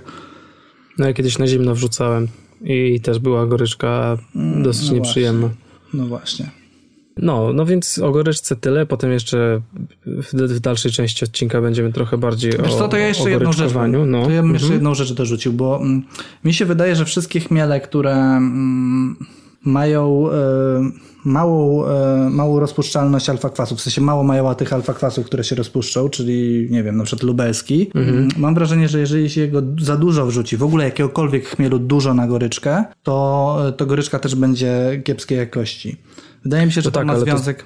Znaczy to z trochę innych rzeczy chyba wynika. Znaczy, Tak, mi się wydaje, że to nie- wynika z zielonych części chmielu Tak. jako takich. No, Tak, że po prostu dużo rośliny wrzucasz, dużą ilość. no właśnie. I, I ta goryczka wtedy jest taka trawiasta, taka trawiastość temu towarzyszy taka łodygowość, no bo jest mnóstwo tego zielonego, jest e, chlorofilu na przykład dużo przechodzi do, do piwa wtedy i innych takich rzeczy zielonych po prostu. prawda? No tak, ale to, to jak mówimy o goryczce, to chciałem to dodać do tego, żeby, wiesz, żeby pokazać, Mhm. Jasne. że to też wpływa na, na jakość goryczki. No dobra, no to oprócz goryczki mamy jeszcze aromat, tak? No i tutaj e, wchodzi piwna rewolucja i chmiele amerykańskie, które są bardzo aromatyczne po prostu i no właściwie można powiedzieć, że są mega aromatyczne. I z tego, no no, No i właśnie z czego to wynika tak naprawdę, jeżeli by podejść do To wynika tego? po prostu z tego, ile olejków aromatycznych e, znajduje się w, w tych chmielach, że to są potężne ilości w porównaniu do chmieli e, europejskich. Mhm. I z tego, co się orientuję i z tego, co się dowiedziałem, jak ktoś, jeżeli ktoś się nie zgadza, ktoś wie lepiej ode mnie, to niech oczywiście pisze w komentarzach, ale z tego, co się orientuję, to myrcen, czyli taki e, związek chemiczny obecny w e, chmielach aromatycznych, jest odpowiedzialny głównie za to, że te chmiele mają ten aromat tak intensywny Mhm. bo e, największą zawartość mercenu mają właśnie chmiele amerykańskie. I jak dzisiaj sobie sprawdziłem, to Chinook e, amerykański ma największą ilość mercenu ze wszystkich chmieli, z tego co wiem. O, to ciekawe, bo ja akurat y, Chinuka nie postrzegam jako ten super aromatyczny chmiel.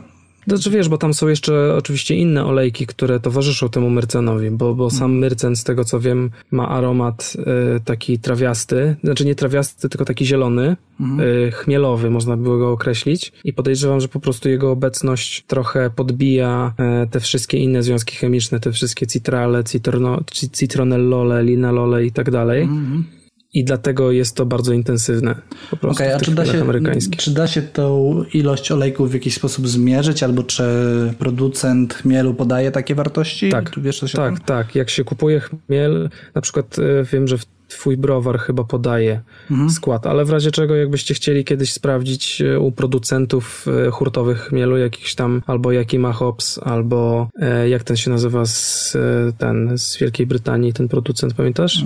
Ba- Barthaus. Bart Coś chyba. takiego. To, to oni na pewno podają. E, Okej. To jest w specyfikacji każdego chmielu na pewno. No Właśnie, bo, bo bo pytam cię o te olejki, dlatego że e, przykuła moją uwagę ostatni post Pinty chyba na Facebooku albo na Instagramie gdzieś widziałem. Pokazywali jak wrzucają e, do jakiegoś piwa chmiel właśnie Galaxy chyba i Enigmę i podawali ile tych olejków tam jest na kilogram. Więc dlatego, dlatego sobie to przypomniałem i cię pytam o te olejki. W każdym razie jeszcze a propos tego pamiętam, że zaskoczyło mnie to, że Enigma miała tam więcej olejków niż Galaxy na kilogram. I to tak, e, tak sporo, chyba 29 miała Enigma i 22 albo 23 Galaxy, więc taka spora różnica. Nie, No tak. spodziewałbym się. Enigmy chyba nigdy nie stosowałem, dlatego, e, dlatego zaskoczyło mnie to. No ja też nigdy nie wiem, nie, nie znam tego chmielu. Znaczy wiem, że Łukasz stosował kierski w, w jakimś swoim piwie, ale nie wiem jak to zagrało, bo pewnie go nie piłem. Trzeba będzie spróbować. No nic, to lećmy dalej. To, to, to jakby mamy z, z czego wynika goryczka i z czego wynika aromatyczność chmielu mamy za sobą, więc możemy przejść do e, właśnie do czego? Czy do, me, do metod już, czy jeszcze coś chcemy dodać? Ja bym chciał jeszcze wspomnieć o pewnej technicznej rzeczy, z której pewnie większość z Was sobie zdaje sprawę, ale liczymy też na to, że słuchają nas e, początkujący i chciałbym zwrócić uwagę na przechowywanie chmielu. To ja wiem, że trzeba bez tlenu. Tlen jest najgorszy, co, co może spotkać chmiel, a drugie to temperatura. Tak, czyli po prostu do zamrażarki kupujecie chmiel do zamrażarki i się nie przejmujecie. Żadne lodówki, żadne półki. Po prostu wrzucamy chmiel do zamrażarki.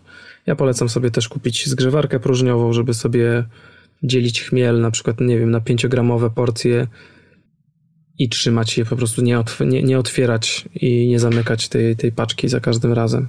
No, to jest spoko opcja, to jest bardzo fajna opcja. Ja się z, noszę z zakupem tego już od jakiegoś czasu, ale chyba w końcu kupię. Tym bardziej, no. że, że kupuję w dużych ilościach chmiel, więc i, i, używam go w dużych ilościach, więc, więc to, to jest dobra sprawa. A jak się otworzy paczkę i ona poleży nawet e, w zamrażalniku, to po jakimś czasie ten chmiel daje, oddaje dużo mniej. Mhm. No to tylko tyle, czy coś jeszcze chciałeś powiedzieć? tak, właściwie tylko tyle, no, że, że, że to jest ważne.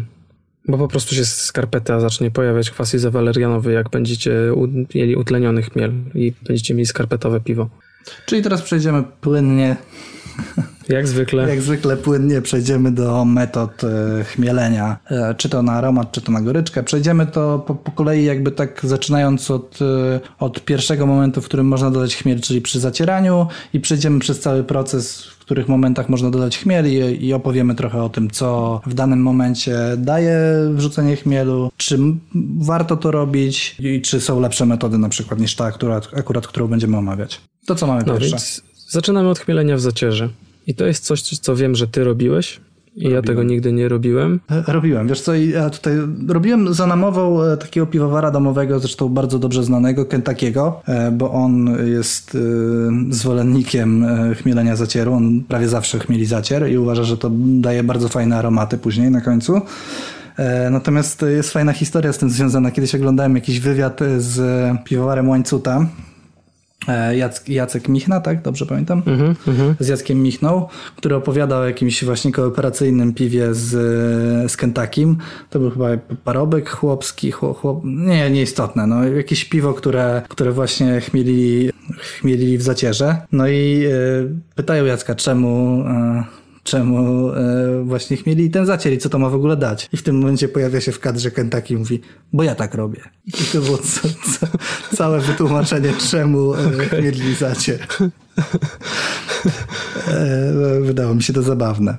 No dobra, ale to jakby dygresja pączkująca, a, a mhm. samo chmielenie w zacierze na czym polega? No, tak, bo jakby będziemy najpierw mówić na czym polega, jak, jak się go stosuje, a później co może dać i jakieś tam nasze doświadczenia. Mhm. To na czym to polega? No ja właśnie do końca nie wiem, czy to jest, czy, czy to jest tak, że chmiel wrzuca się razem ze słodem na początku zacierania, czy tylko na filtrację się wrzuca ten? Wrzuca się na filtrację. Znaczy ja tak robiłem, że wrzucałem po prostu na filtrację. Ja wrzucałem chyba nawet na, na przerwę 72 stopnie, bo prawie zawsze ją robię. Wtedy wrzucałem ten chmiel, mieszałem i, i później e, robiłem po 20 minutach filtrację. Kentucky twierdzi, że to daje po pierwsze bardzo łagodną goryczkę, taką, można by ją smooth określić, a oprócz mhm. tego daje bardzo taki, on mówił, kurczę, nie pamiętam dokładnie jak, ale że ten aromat jest taki ciepły, jeżeli to cokolwiek e, jest w stanie powiedzieć, w sensie taki nie jest bardzo agresywny, jest taki też łagodny ten aromat od, od chmielenia zacieru e, i bardziej w typie, jeżeli mówimy o amerykańskich chmielach, bardziej w typie owoców tropikalnych, a nie cytrusów. Mm -hmm. Ja to robiłem dwukrotnie, mm, natomiast stosowałem też inne chmielenie i ciężko jest mi jakiekolwiek wnioski e, wyciągnąć, czy to rzeczywiście coś dało. Więc zaniechałem stosowania tego. Pewnie więcej mógłby właśnie nam Kentucky powiedzieć, ale, ale ja, ja zrezygnowałem z tego. Uważam, że to, to nie daje dobrych efektów. Albo przynajmniej ich nie zauważyłem. Wydaje mi się. Znaczy, na pewno metoda jest niszowa.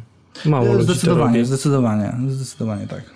Jedyne, co z czym mi się kojarzy jeszcze, co można, po, w jakim celu można stosować chmielenie w zacierze, to jest y, używanie całej szyszki jako wspomaganie filtracji. Wiem, że Łukasz Szynkiewicz, jak robił to swoje grodziskie, którym potem wygrał chyba w Cieszynie, z tego co pamiętam, hmm. czy w żywcu, to jeszcze w żywcu było, to, było żywcu, no. mm, to on stosował y, jakiś chmiel y, jako wspomaganie filtracji no bo tam jak, był, jak do Grodziskiego jest zasyp 100% pszenicy w jego przypadku, to, to, to wspomagał sobie filtrację chmielem. I, I, chyba w Grodzisku też się tak robiło z tego Tak mi się pamiętam. wydaje, że historycznie w którymś momencie dodawali właśnie chmiel do zacieru. Tam pewnie to był chmiel tomyski, tak mi się wydaje, że tomyski był e, historycznie używany, czy nie? No dobra, nie wiem, bo palne coś i bez sensu. No w każdym razie wiem, że, że, że stosowali rzeczywiście do filtracji. Właściwie to tyle chyba o tym chmieleniu w zacierzy, no bo ciężko no tak, zacierze. Mi się też wydaje, że no nie wiem, trzeba by było zrobić piwo, które tylko zostało nachmielone w zacierze. Otóż to, otóż to. Czy kiedyś trzeba będzie to zrobić i to przetestować, ale jakoś tak się nie schodzi. Pewnie ja spróbuję zrobić tak, jak będę robił jakiegoś kwasa. Mm, mhm. i spróbuję po prostu zadać wtedy bakterie po gotowaniu Nie będę chmielił w ogóle brzeczki e, po filtracji i zobaczymy, czy się, raz, czy się zakwasi, dwa, czy, czy będzie aromat chmielowy. Ale w tej chwili nie jesteśmy w stanie więcej powiedzieć. Może No tak, tak, bez no, własnych to dalej, nie. bez sensu, No, ale- tam ciągnęli. Znaczy, jeżeli ktoś y, robił to i ma testy jakieś, to piszcie, dzwońcie, e, nagrywajcie filmiki. Jak będziecie dzwonić w nocy, to do Olka. Ja mam wyłączony telefon w nocy, No właśnie dzwońcie, nie ma problemu. Nagrywajcie się. Dobra, ja lubię z lećmy. rana odsłuchać sobie pocztę. Lećmy Dobrze, do lećmy dalej. E, trzeci punkt to jest tak zwane first word hopping, czyli chmielenie brzeczki przedniej, nie tylniej. I to Ja polega tego- po prostu na tym, no, Mów, mów, mów. Ja tego nigdy nie robiłem i nigdy nie wiem właśnie też jak, na czym to polega. no ja robiłem przy swoim, przy swoim trzecim piwie i chyba potem jeszcze przy jakimś. Znaczy, no, ja nie wiem, czy ja dobrze no. rozumiem po prostu to, ale jak opowiesz, to ci powiem, czy robiłem. Okej. No więc ja to robiłem na takiej zasadzie, że, że wrzucałem chmiel mm, zaraz po zlaniu mm, filtratu całego. Więc skoń, kończyłem filtrację. W czasie podgrzewania Znaczy wiesz co, akurat jak za pierwszym razem to robiłem, to robiłem tak, że zlewałem najpierw cały filtrat, całą brzeczkę, potem ją przelewałem w całości do garnka i podgrzewałem do, do gotowania. Mhm. I chmiel y, lądował razem z brzeczką w tym samym momencie w garze i był y, aż do momentu zagotowania się, no i potem przez całe gotowanie. Okej, to ja to, to stosowałem kilkukrotnie. No i, i na tym właśnie to polega, że albo na przykład jeszcze jest częściowo, część ludzi robi tak, że biera tą brzeczkę po filtracji prosto do garnka i natychmiast podgrzewa w tym samym czasie, jak, jak ta brzeczka leci. Mhm, E, No to wrzucenie e, tego chmielu razem z pierwszą w porcją brzeczki też jest chmieleniem brzeczki przedniej. Mhm. I to już takim tym bardziej e, pokrywającym się z nazwą tego, prawda? Nowa brzeczka przednia to jest ta, która jest najbardziej ekstraktywna. Czyli podsumowując, y, chmielenie to first word y, hopping to jest po prostu wrzucenie ch- chmielu przed zagotowaniem brzeczki. Tak, Tak. na dobrą sprawę. Po filtracji, a przed zagotowaniem. Tak, ja to tak właśnie rozumiem. No i ona ma dawać, znaczy o ten sposób chmielenia ma dawać przyjemniejszą, delikatniejszą goryczkę. W, i, I taką bardziej gładką, Ja się z tym zgadzam. przynajmniej w teorii. Ja, Ja też tak uważam. Mnie, mnie też to tak dało. Taką goryczkę, która była bardzo przyjemna, taka krągła. Po prostu była ta goryczka. Jak każde piwo, które ma mieć wysoką goryczkę, czyli dajmy na to tam jak chmiele powyżej 70 IBU, ostatnio mi się to nie zdarza, ale jak, jak robiłem kiedyś jakieś tam West Coasty albo e, jakieś double IPy, które były, miały mieć tam pod 100 IBU, to robiłem to w ten sposób i to rzeczywiście powodowało, że ona była tak jak mówisz, krąglejsza, taka mniej agresywna, wciąż wysoka, ale taka krótsza. Nie wiem z czego to wynika. Kiedyś czytałem jakiś artykuł, który, który to tłumaczył w jakiś sposób, ale, ale w tej chwili nie pamiętam jak to, co się tam dzieje, że, e, że, że ta goryczka jest rzeczywiście gładsza, bo, mm, bo na chłopski rozum to nie powinno tak być. W sensie on, to, To prawda. to wrzucenie wcześniejszych chmielu nie powinno nic zmienić tak na dobrą sprawę, bo i tak podgrzewasz to do 100, 100 stopni, tych alfa kwasów się rozpuści tyle, ile e, się ma rozpuścić, więc, więc w sumie powinno być tak samo.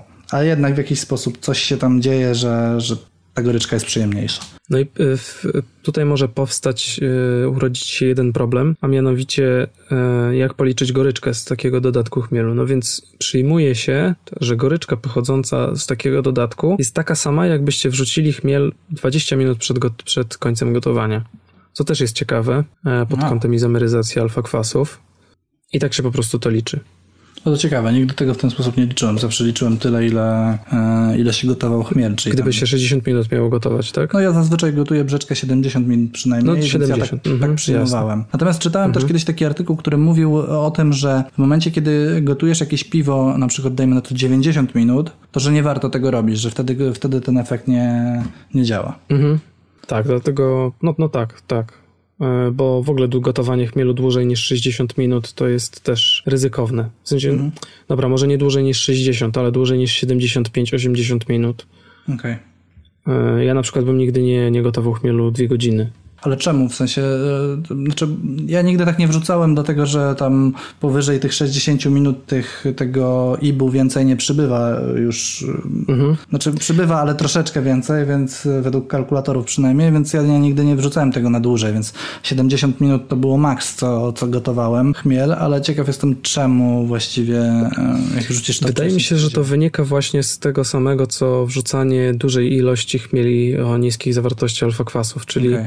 Wynika to z tego, że po prostu bardzo dużo tej zielonej materii wtedy się przedostanie do piwa, te, tego Okej. chlorofilu i, innych takich rzeczy. No, ma to sens, Że, ma to 60 sens. No, że 60 minut to jest po prostu dobry, y, taki złoty środek pomiędzy ekstrakcją chlorofilu a izomeryzacją alfa-kwasów. Okej. Chociaż z drugiej strony, jak się robi lambika, to, ten, to, to powinno się gotować z chmielem 66 godzin, prze, przepraszam. No tak, ale tam, tam to jest w ogóle jakiś odrębny temat, który niekoniecznie, znaczy 6 godzin na 60 minut to jest to jest spora różnica, no nie? Więc tam pewnie No tak. te, tych alfa-kwasów też jest dużo mniej, też to, to zupełnie... Znaczy praktycznie nie powinno ich być w ogóle. No więc właśnie, o to chodzi, więc pewnie to też ma znaczenie, no nie? To prawda. Dobra, chyba ten, to chyba mamy umówione, lećmy do następnego. Tak, bo to jest kolejna niszowa metoda, więc y, jak chcecie, to próbujcie, zachęcamy do tego, zdawajcie nam relacje z, ze swoich e, prób. I czy jeżeli ktoś się nie zgadza, to też piszcie. Jasne, jasne. Dobra, to teraz e, coś, co tygrysy lubią najbardziej, czyli chmielenie w trakcie gotowania. Mm, gotujemy naszą brzeczkę, cały dom pachnie już ważeniem. Sąsiedzi, sąsiedzi zastanawiają się, jaką zupę gotujecie, a wy, zast- a wy e, ważycie chmiel przez e, rzec kropką i wrzucacie go do gotującej się brzeczki.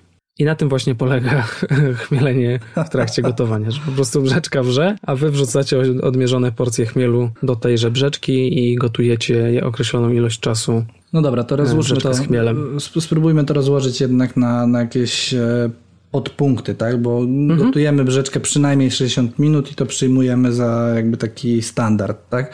Więc Mhm. można chmielić, e, są pewne różnice, jak wrzucisz chmiel na 60 minut, na 30, na 20, czy, czy nawet na, na 5 minut, tak? Są różnice w efekcie. E, Więc rozróżnijmy te, to chmielenie na 60 minut jako chmielenie na goryczkę, bo tak się przyjmuje, że jest to Mhm. jakiś rozsądny czas gotowania chmielu, żeby rozpuścić dużą ilość tych alfa-kwasów, które wpływają z kolei na goryczkę. Trochę odpowiedziałem na pytanie, które zadałem na, na starcie, czyli na 60 minut e, wrzucamy chmiel na goryczkę i to są takie podstawy tak naprawdę. I tutaj mamy takie pytanie, widzę, że zadałeś w tych naszych notatkach. Jakie chmiele tutaj stosować, Olku? Odpowiedz na to pytanie zatem. No na pewno takie, które mają, nie chcę powiedzieć nie za dużo alfa kwasów, ale ciśnie mi się to na usta. W sensie ja na przykład bym Warriora takiego, który ma 16% alfa kwasów, nie wrzucał raczej na goryczkę. A czemu? W sensie nie samego na pewno. E, I więc to, co chcę powiedzieć, to jest to, żeby te, ten chmiel nie miał za dużo alfa kwasów i też za mało. Czyli po prostu najlepiej zapytać kogoś, kto już trochę czasu waży, co najlepiej wrzucać na goryczkę, bo zauważyłem, że e, piwowarzy z większym doświadczeniem mają już swoje ulubione chmiele goryczkowe, które zawsze wrzucają na goryczkę bez względu na to, jakie to jest piwo. No wiesz co, znaczy b- niestety na forach albo na jakichś grupach facebookowych panuje takie przeświadczenie, żeby na goryczkę wrzucać byle co. Yy, Tak zauważam taką tendencję, że jest bardzo często no a po co wrzucasz tam, nie wiem, citrę na, na goryczkę, jak lepiej wrzucić nie, i tutaj padają albo magnum, albo marynka, e, albo jeszcze coś gorszego. Znaczy nie, bo by- ja się trochę podśmiewam, wiem, że dużo, e, dużo piw e, chmielonych magnumem czy marynką na goryczkę wychodzi całkiem przyzwoita. Natomiast mi się... Pozdrawiamy Czesława. Czesław, tak? Marynką czy magnumem? Mag, mag, magnum, on zawsze magnum. Ja chyba Magnum akurat nie stosowałem nigdy, chyba nigdy. Ale marynkę mi się zdarzyło kilkukrotnie na goryczkę i to, to nie jest, to nie idźcie tą drogą moim zdaniem. Ona jest właśnie Znaczy, taka co? tempo zielona, ta goryczka marynki mi wychodzi. Ale stosowałeś y, tą ma- marynkę od, od Pawła, czy, czy taką... Nie, chyba ona nie była No name. akurat. No, no, no name. No więc właśnie, z tego co ja słyszałem, że tam ci rolnicy to potrafią naprawdę cuda wy, wyczyniać z tym piwem i na przykład wiesz, chmielem. znaczy nie z piwem, tylko z chmielem, nie? Okej. Że mieszają na przykład roczniki między sobą, e, a marynka wiadomo, że jest najpopularniejsza, bo ma dużo alfa kwasów, więc koncerny kupują. No i przy okazji... Tak, Znaczy, mi się wymsknęło. No wiadomo, że można im wcisnąć ten, tą marynkę. Tak, znaczy w sensie, no jak ktoś kupuje kilka, kilkadziesiąt ton tego chmielu, no to wiadomo, że tam Nie ciężko to jest ocenić. Więc e, ta marynka e, jest po prostu, większość marynki jest słabej jakości, e, ale na przykład to, to co Perun zrobił na którymś warszawskim festiwalu piwa, czyli single hop marynka Mhm. od Pawła Piłata ten chmiel był, to było bardzo dobre piwo. No nie piłem go, więc ciężko jest mi się wypowiedzieć. No skoro tak mówisz, Nawet no, aromat był super. Taki wiesz, jak, jak na polski chmiel, to naprawdę taki bardzo przyjemny. no, jak Paweł słucha i jak mu powiesz jak na polski chmiel, to, to już ci więcej nie sprzeda. No, no, no dobrze, pozdrawiamy Pawła Piłata, kochamy cię. Bez przesady. A jakiego ty chmielu? Tak jest już, dobra, płynnie przechodzimy do e, Jakie meritum. chmielna goryczka. Tak. No to, to, to znaczy dużo zależy mm, od tego, co to ma być za piwo. Jeżeli piwo ma nie przekroczyć e, 60 IBU, to chmiele Jungą. Uważam, że to No jest to tak świetne. jak ja. To jest świetny e, chmielna goryczka, który daje taką grejpfrutową chyba goryczkę, tak bym ją określił. Ba bardziej w stronę owocowo-cytrusowej, czy tam skórkowej, niż takiej zielonej, z którą mi się właśnie kojarzy marynka. Tak, taka zielona, Mhm. ziołowa goryczka. To ja nie, nie przepadam za taką goryczką, nawet w piwach, które są, nie wiem, kontynentalne, tak? I e, które nie mają mieć jakiejś... E, soczystej goryczki, to i tak wolę, żeby, wolę użyć Jungi, bo ona jest taka przyjemniejsza troszeczkę. Natomiast jeżeli y, robię właśnie jakąś tam double IPę, która ma, ma mieć ze 100 bud, to sięgam po jakiś amerykański chmiel. Chinook daje bardzo fajną goryczkę moim zdaniem i, i Chinooka używam często też przy tego typu piwach. No, on, ten Chinook w ogóle dobry jest właśnie do IPy, bo on, w sensie do West Coasta, bo on dodaje trochę też takiego pazura e, tej goryczce, w sensie ona nie, ona... Ta goryczka po prostu staje się taka west coastowa, taka wiesz, e, agresywna, ale nie do przesady, w sensie, bo nie chcę, żebyście mnie źle zrozumieli, że ja najpierw mówię e, o tym, że goryczka ma być krągła, a potem, że, e, że ma być agresywna, ale to jest taka agresywność pożądana. Taka, Znaczy, której się oczekuje od West Coasta. To, co najgorsze jest w goryczce, to już e, pomijając jakby jakość i krągłość, to mm, krągłość nie, nie w każdym stylu jest pożądana, natomiast ważne, żeby goryczka nie była właśnie zalegająca i taka trawiasta, taka ściągająca. E, ona może być długa nawet, e, natomiast, znaczy długa, długa i zalegająca to podobne ten. Może się utrzymywać do finiszu, natomiast nie może właśnie tak e, drapać po, po, po e, gardle na końcu, tak już po Że finiszu. 10 minut później czujesz ciągle 10 na minut to pewnie tą ciężko tak uzyskać, ale No, dajmy no ja jak piłem czujesz, takie piwo. Tak, no jak czujesz, jak przełkniesz piwo i czujesz po minucie jeszcze gorycz, no to, to znaczy, że jest bardzo źle. No. No dobra, a czy warto chmielić samą citrą na przykład albo Galaxy na goryczkę? Co ty uważasz na ten temat? Zdarzało mi się robić takie piwa i miały bardzo ciekawą goryczkę. Ja uważam, że Citra i Galaxy, bo to są akurat chmiele, które stosowałem na goryczkę, dały bardzo przyjemną goryczkę. Ja uważam, że warto. A gdybyśmy mieliśmy się zastanowić nad aspektem ekonomicznym, Nie no, aspektem ekonomicznym to wiadomo, no ale jeżeli, wiesz co, no jeżeli decydujesz się na zrobienie double IPy, no to nie możesz... No dobra, ale no, nie, no, to, to inaczej. Czy warto nachmielić dry stout citrą Nie, no to na goryczkę? No nie, e, źle zadajesz pytania, bo dry stout... Dlaczego? Dlatego, że dry stout to jest, s- to jest akurat styl, który, do którego należy wrzucić jakiś historycznie używany chmiel, na przykład Fuggles. E, Natomiast jakbyś mnie zapytał, czy warto citrą nachmielić American Stout, to już ci powiem, że warto. Mhm.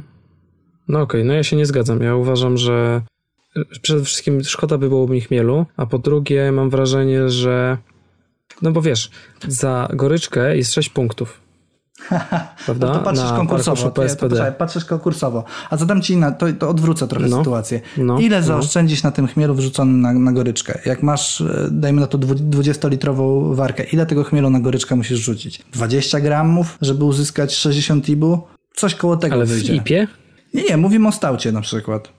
Aha, 20 20 w staucie. No 20 gramów jak wsypiesz takiej citry, to Nie, no. uzyskasz już e, całkiem solidną goryczkę, a jak wsypiesz marynki 20 gramów, to ile, ile na gramie zaoszczędzisz? To jest jakieś, wiesz, śmieszne pieniądze, no. Nie wiem, czy warto, wiesz... No tak, ale serduszko nie będzie mi płakać, że citrę wrzucam na goryczkę. E, nie, no nie wiem, ja jestem po prostu tak przyzwyczajony do tego, że zawsze wrzucam tą jongę na goryczkę. E, poza tym ja nie robię piw e, za bardzo piw na amerykańskich chmielach, więc też e, ciężko mi się odnaleźć w e, chmieleniu e, amerykańskimi chmielami na goryczkę. Znaczy, Shinuka bym wrzucił na pewno na goryczkę. Bo jest tańszy. Nie, bo daje tu fajną goryczkę taką amerykańską i ja lubię goryczkę Shinuka. Okej, No i jest tańszy. E, czyli jednak. ale, ale słyszałem bardzo dużo takich opinii, że citra właśnie daje goryczkę dosyć nieprzyjemną. Na przykład rozmawiałem z paroma osobami, które mi mówiły, że najlepiej taką citrę na przykład wrzucać, jeżeli chcesz goryczkę z tej citry uzyskać, to wrzucać ją późno. Czyli nie wrzucać jej na 60 minut gotowania, tylko nie wiem, na jakieś tam 20, ale więcej. Widzisz, i tutaj przechodzimy płynnie po raz kolejny.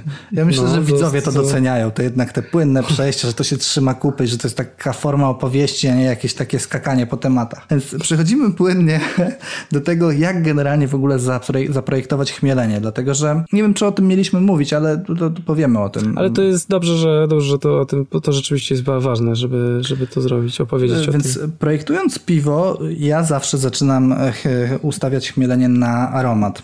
Sprawdzam, ile z tych chmieli, które wrzucę na aromat, czyli na przykład na 5-10 minut, czy nawet na Whirlpool. Sprawdzam, ile mi z tych e, chmieli, które wrzucę, wyjdzie IBU. Orientacyjnie, wiadomo, że goryczka to nie tylko IBU, ale jest to jakiś tam odnośnik. Jeżeli mam e, tego IBU 30, e, a robię na przykład American IPA, to wolę przesunąć rzeczywiście to chmielenie tą Citrą, czy Galaxy, czy czymkolwiek innym na 30 minut gotowania, a nie na 60, dlatego że wrzucając niewiele więcej e, chmielu, teoretycznie na goryczkę, zahaczam też o ten przedział o smak. Goryczkę będę miał pożądaną, natomiast tym samym chmielem załatwię sprawę wrzucania chmielu na, na smak. I to jest właśnie to, yy, nie wiem czy do, się zorientowałeś, to jest właśnie to płynne przejście do chmielenia na smak. Tak trochę naokoło, ten, ale, ale teraz, teraz możemy przejść do tego chmielenia o smak, na, na smak. Możemy. No to ja zacznę z grubej rury, że ja w to nie wierzę kompletnie. Kompletnie nie wierzysz. Nie, no, no bo odczucie smakowe chmielu to jest odczucie retronosowe aromatu, Mhm. prawda? No to, to, to co to jest chmielenie na smak? Przecież jak zat, zatkasz nos, to nie będziesz czuł tego, w trakcie picia nie będziesz czuł tych wszystkich... No to e, jest akurat bójda cytrusów. jakaś, którą sprzedają na kursie sensorycznym albo na jakimś... Ale e, co? No to z tym zatykaniem nosa, to jest bzdura. Próbowałeś to robić? Próbowałeś kiedyś zatkać sobie nos i pić i nie czułeś No. smaku w ogóle? Nie. Znaczy to- smak czułem, no kwaśny, ostry, znaczy kwaśny, gorzki i tak dalej, A tak? chmielowości nie czułeś? Znaczy wiesz, retronosowo zawsze trochę czuć, ale to jest aromat ciągle. No niby jest aromat, ale to jest tak samo jak wiesz, przejdziesz do, do jakiegoś chmielenia, pewnie zmierzasz do tego, że bardziej efektywne jest chmielenie e, piwa na aromat 5-10 minutach, znaczy na, piąto, na 5 i na 10 minut niż na 30. I tu pełna zgoda, w sensie jest bardziej efektywne. Natomiast to wrzucenie tego chmielu na 30 minut daje troszeczkę moim zdaniem inny, e, inny efekt. Generalnie ja mam taką teorię, że im dłużej e, gotujesz chmiel na, na aromat, tym więcej będziesz miał e, takich charakterystycznych owoców tropikalnych w typu mango i marakuja, bez względu na to, jaki chmiel wrzu- wrzucasz i jaki on ma, jaki on ma profil. Ten aromat będzie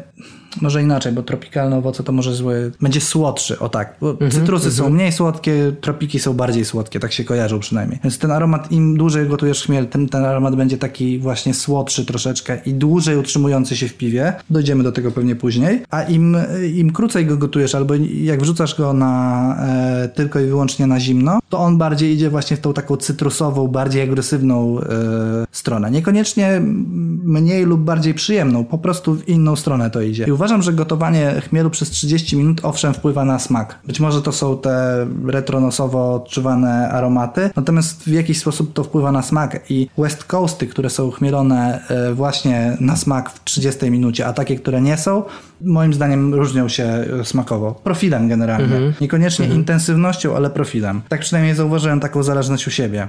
Trochę to przeczy temu, co teraz robię, bo teraz prawie w ogóle nie chmielę e, na 30 minut, ale to wynika też trochę innych rzeczy, dlatego że ja nie chcę goryczki w piwie, w tych ipach, które ostatnio robię. Natomiast uważam, że jeżeli robi się West Coasta, albo jeżeli robi się Double IP, i w domu szczególnie, no bo w browarze to wiadomo, że to są koszta, e, to, to warto jest wrzucić jakiś chmiel na 30 minut albo przesunąć całe chmielenie goryczkowe właśnie na 30 minut. Mhm. No dobra. Liczyłem na jakąś polemikę jednak. Za dużo się nagadałem. Za dużo argumentów wytoczyłem na start. Nie, nie, no Wiem, wiem, zgadzasz się, ale i tak byś zrobił po swojemu. Ja to już znam. Znaczy, nie, no roz, nie, to tym razem to akurat powiem inaczej. Rozumiem, że, że robisz tak, jak robisz i, i, i, i że, że będziesz tak robił, ale znaczy, to ja powiem inaczej. Przytoczę pewną historię swoją. Onegdaj był taki konkurs w Warszawie, który był dosyć słabo rozpro, rozpropagowany, ale bardzo fajny był. A mianowicie on miał promować troszeczkę e, te chmiele od, Łuka, od Pawła Piłata e, z Polish Hops i tam był wtedy e, polski Cascade. I to był konkurs na, na e, piwo single hop e, Cascade polski. I ja wtedy do, do, tego piwa podszedłem tak, że zacząłem w ogóle chmielenie 20 minut przed końcem gotowania. Pierwszą porcję chmielu wrzuciłem 20 minut przed końcem gotowania, bo wiedziałem, że ten polski Cascade daje zalegającą goryczkę. On ma mało alfa kwasów i że ta goryczka może być nieprzyjemna z, z, z tego e, chmielu. I to jest też metoda pewna na to, żeby się ustrzec zalegającej goryczki, czyli wrzuc wrzucać chmiel po prostu późno. E, no i to piwo wyszło bardzo dobre. No, udało mi się wygrać ten konkurs. Mhm. Wierzcie lub nie. E, ja wierzę w e, chmielenie, ale tylko po to, żeby uzyskać przyjemniejszą goryczkę, w sensie w późne chmielenie. Tak naprawdę uważam, że, że warto jest chmielić na goryczkę, czyli w zerowej minucie gotowania, na 60 minut trwania i potem, nie wiem, no najpóźniej 10 minut przed końcem. Mhm. Albo 5. I wtedy już tam resztę, te wszystkie rzeczy związane z aromatem. No bo wiesz, mam wrażenie, że to trochę ułatwiasz sobie wtedy życie, bo nie musisz liczyć tego IBU za bardzo. I no i po prostu nie wiem, no ja wiem, że wiary się nie da wytłumaczyć, ale ja mhm. po prostu nie wierzę w, w chmielenie na smak. Uważam, że, no. że, że ten... Z tym się nie da dyskutować, więc... No właśnie, no nie, nie da się, nie, to nie jest argument y, logiczny. To jest tylko okay. ten, wierzę versus nie wierzę. Dobrze, to teraz jakoś płynnie przejdźmy do... No tak, no powiedziałem, że w 10 albo 5 minut, wiem, więc płynnie wiem, przechodzimy wiem. do chmielenia na aromat tak no, zwanego. Tak. No to kiedy się wsypuje chmielny aromat? No ja myślę, że najpóźniej, znaczy najwcześniej 10 minut przed końcem gotowania. Może 15. Bo okay. dlaczego? Dlatego, że jak długo gotujecie chmiel, to te związki aromatyczne wszystkie i tak w kosmos ulecą. Czyli one są po prostu lotne razem... i ulatniają się razem z parą wodną, tak? Tak. Tak. Okay. Dlatego późno jest warto. Wtedy jeszcze y, te olejki aromatyczne nie zdążą się ulotnić. Okay, no Albo ulotnią się w niewielkiej ilości. Jak projektuję chmielenie i chcę wrzucić chmiel tylko na aromat, to w ogóle wrzucam go mm, jeszcze później, czyli na Whirlpool. Kurde, mogłem to zostawić i jakie byłyby płynne, piękne przejścia. Znowu płynne przejście. A teraz muszę jeszcze coś innego Dobra, wytniesz, wytniesz, nie ma.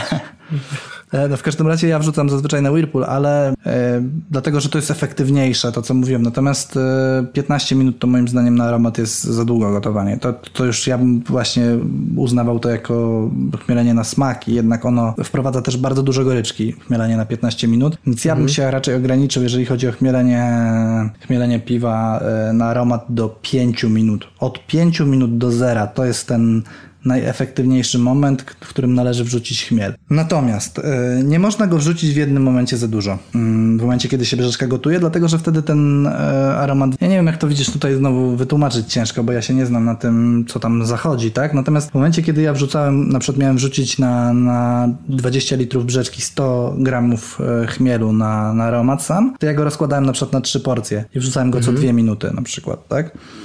Mhm.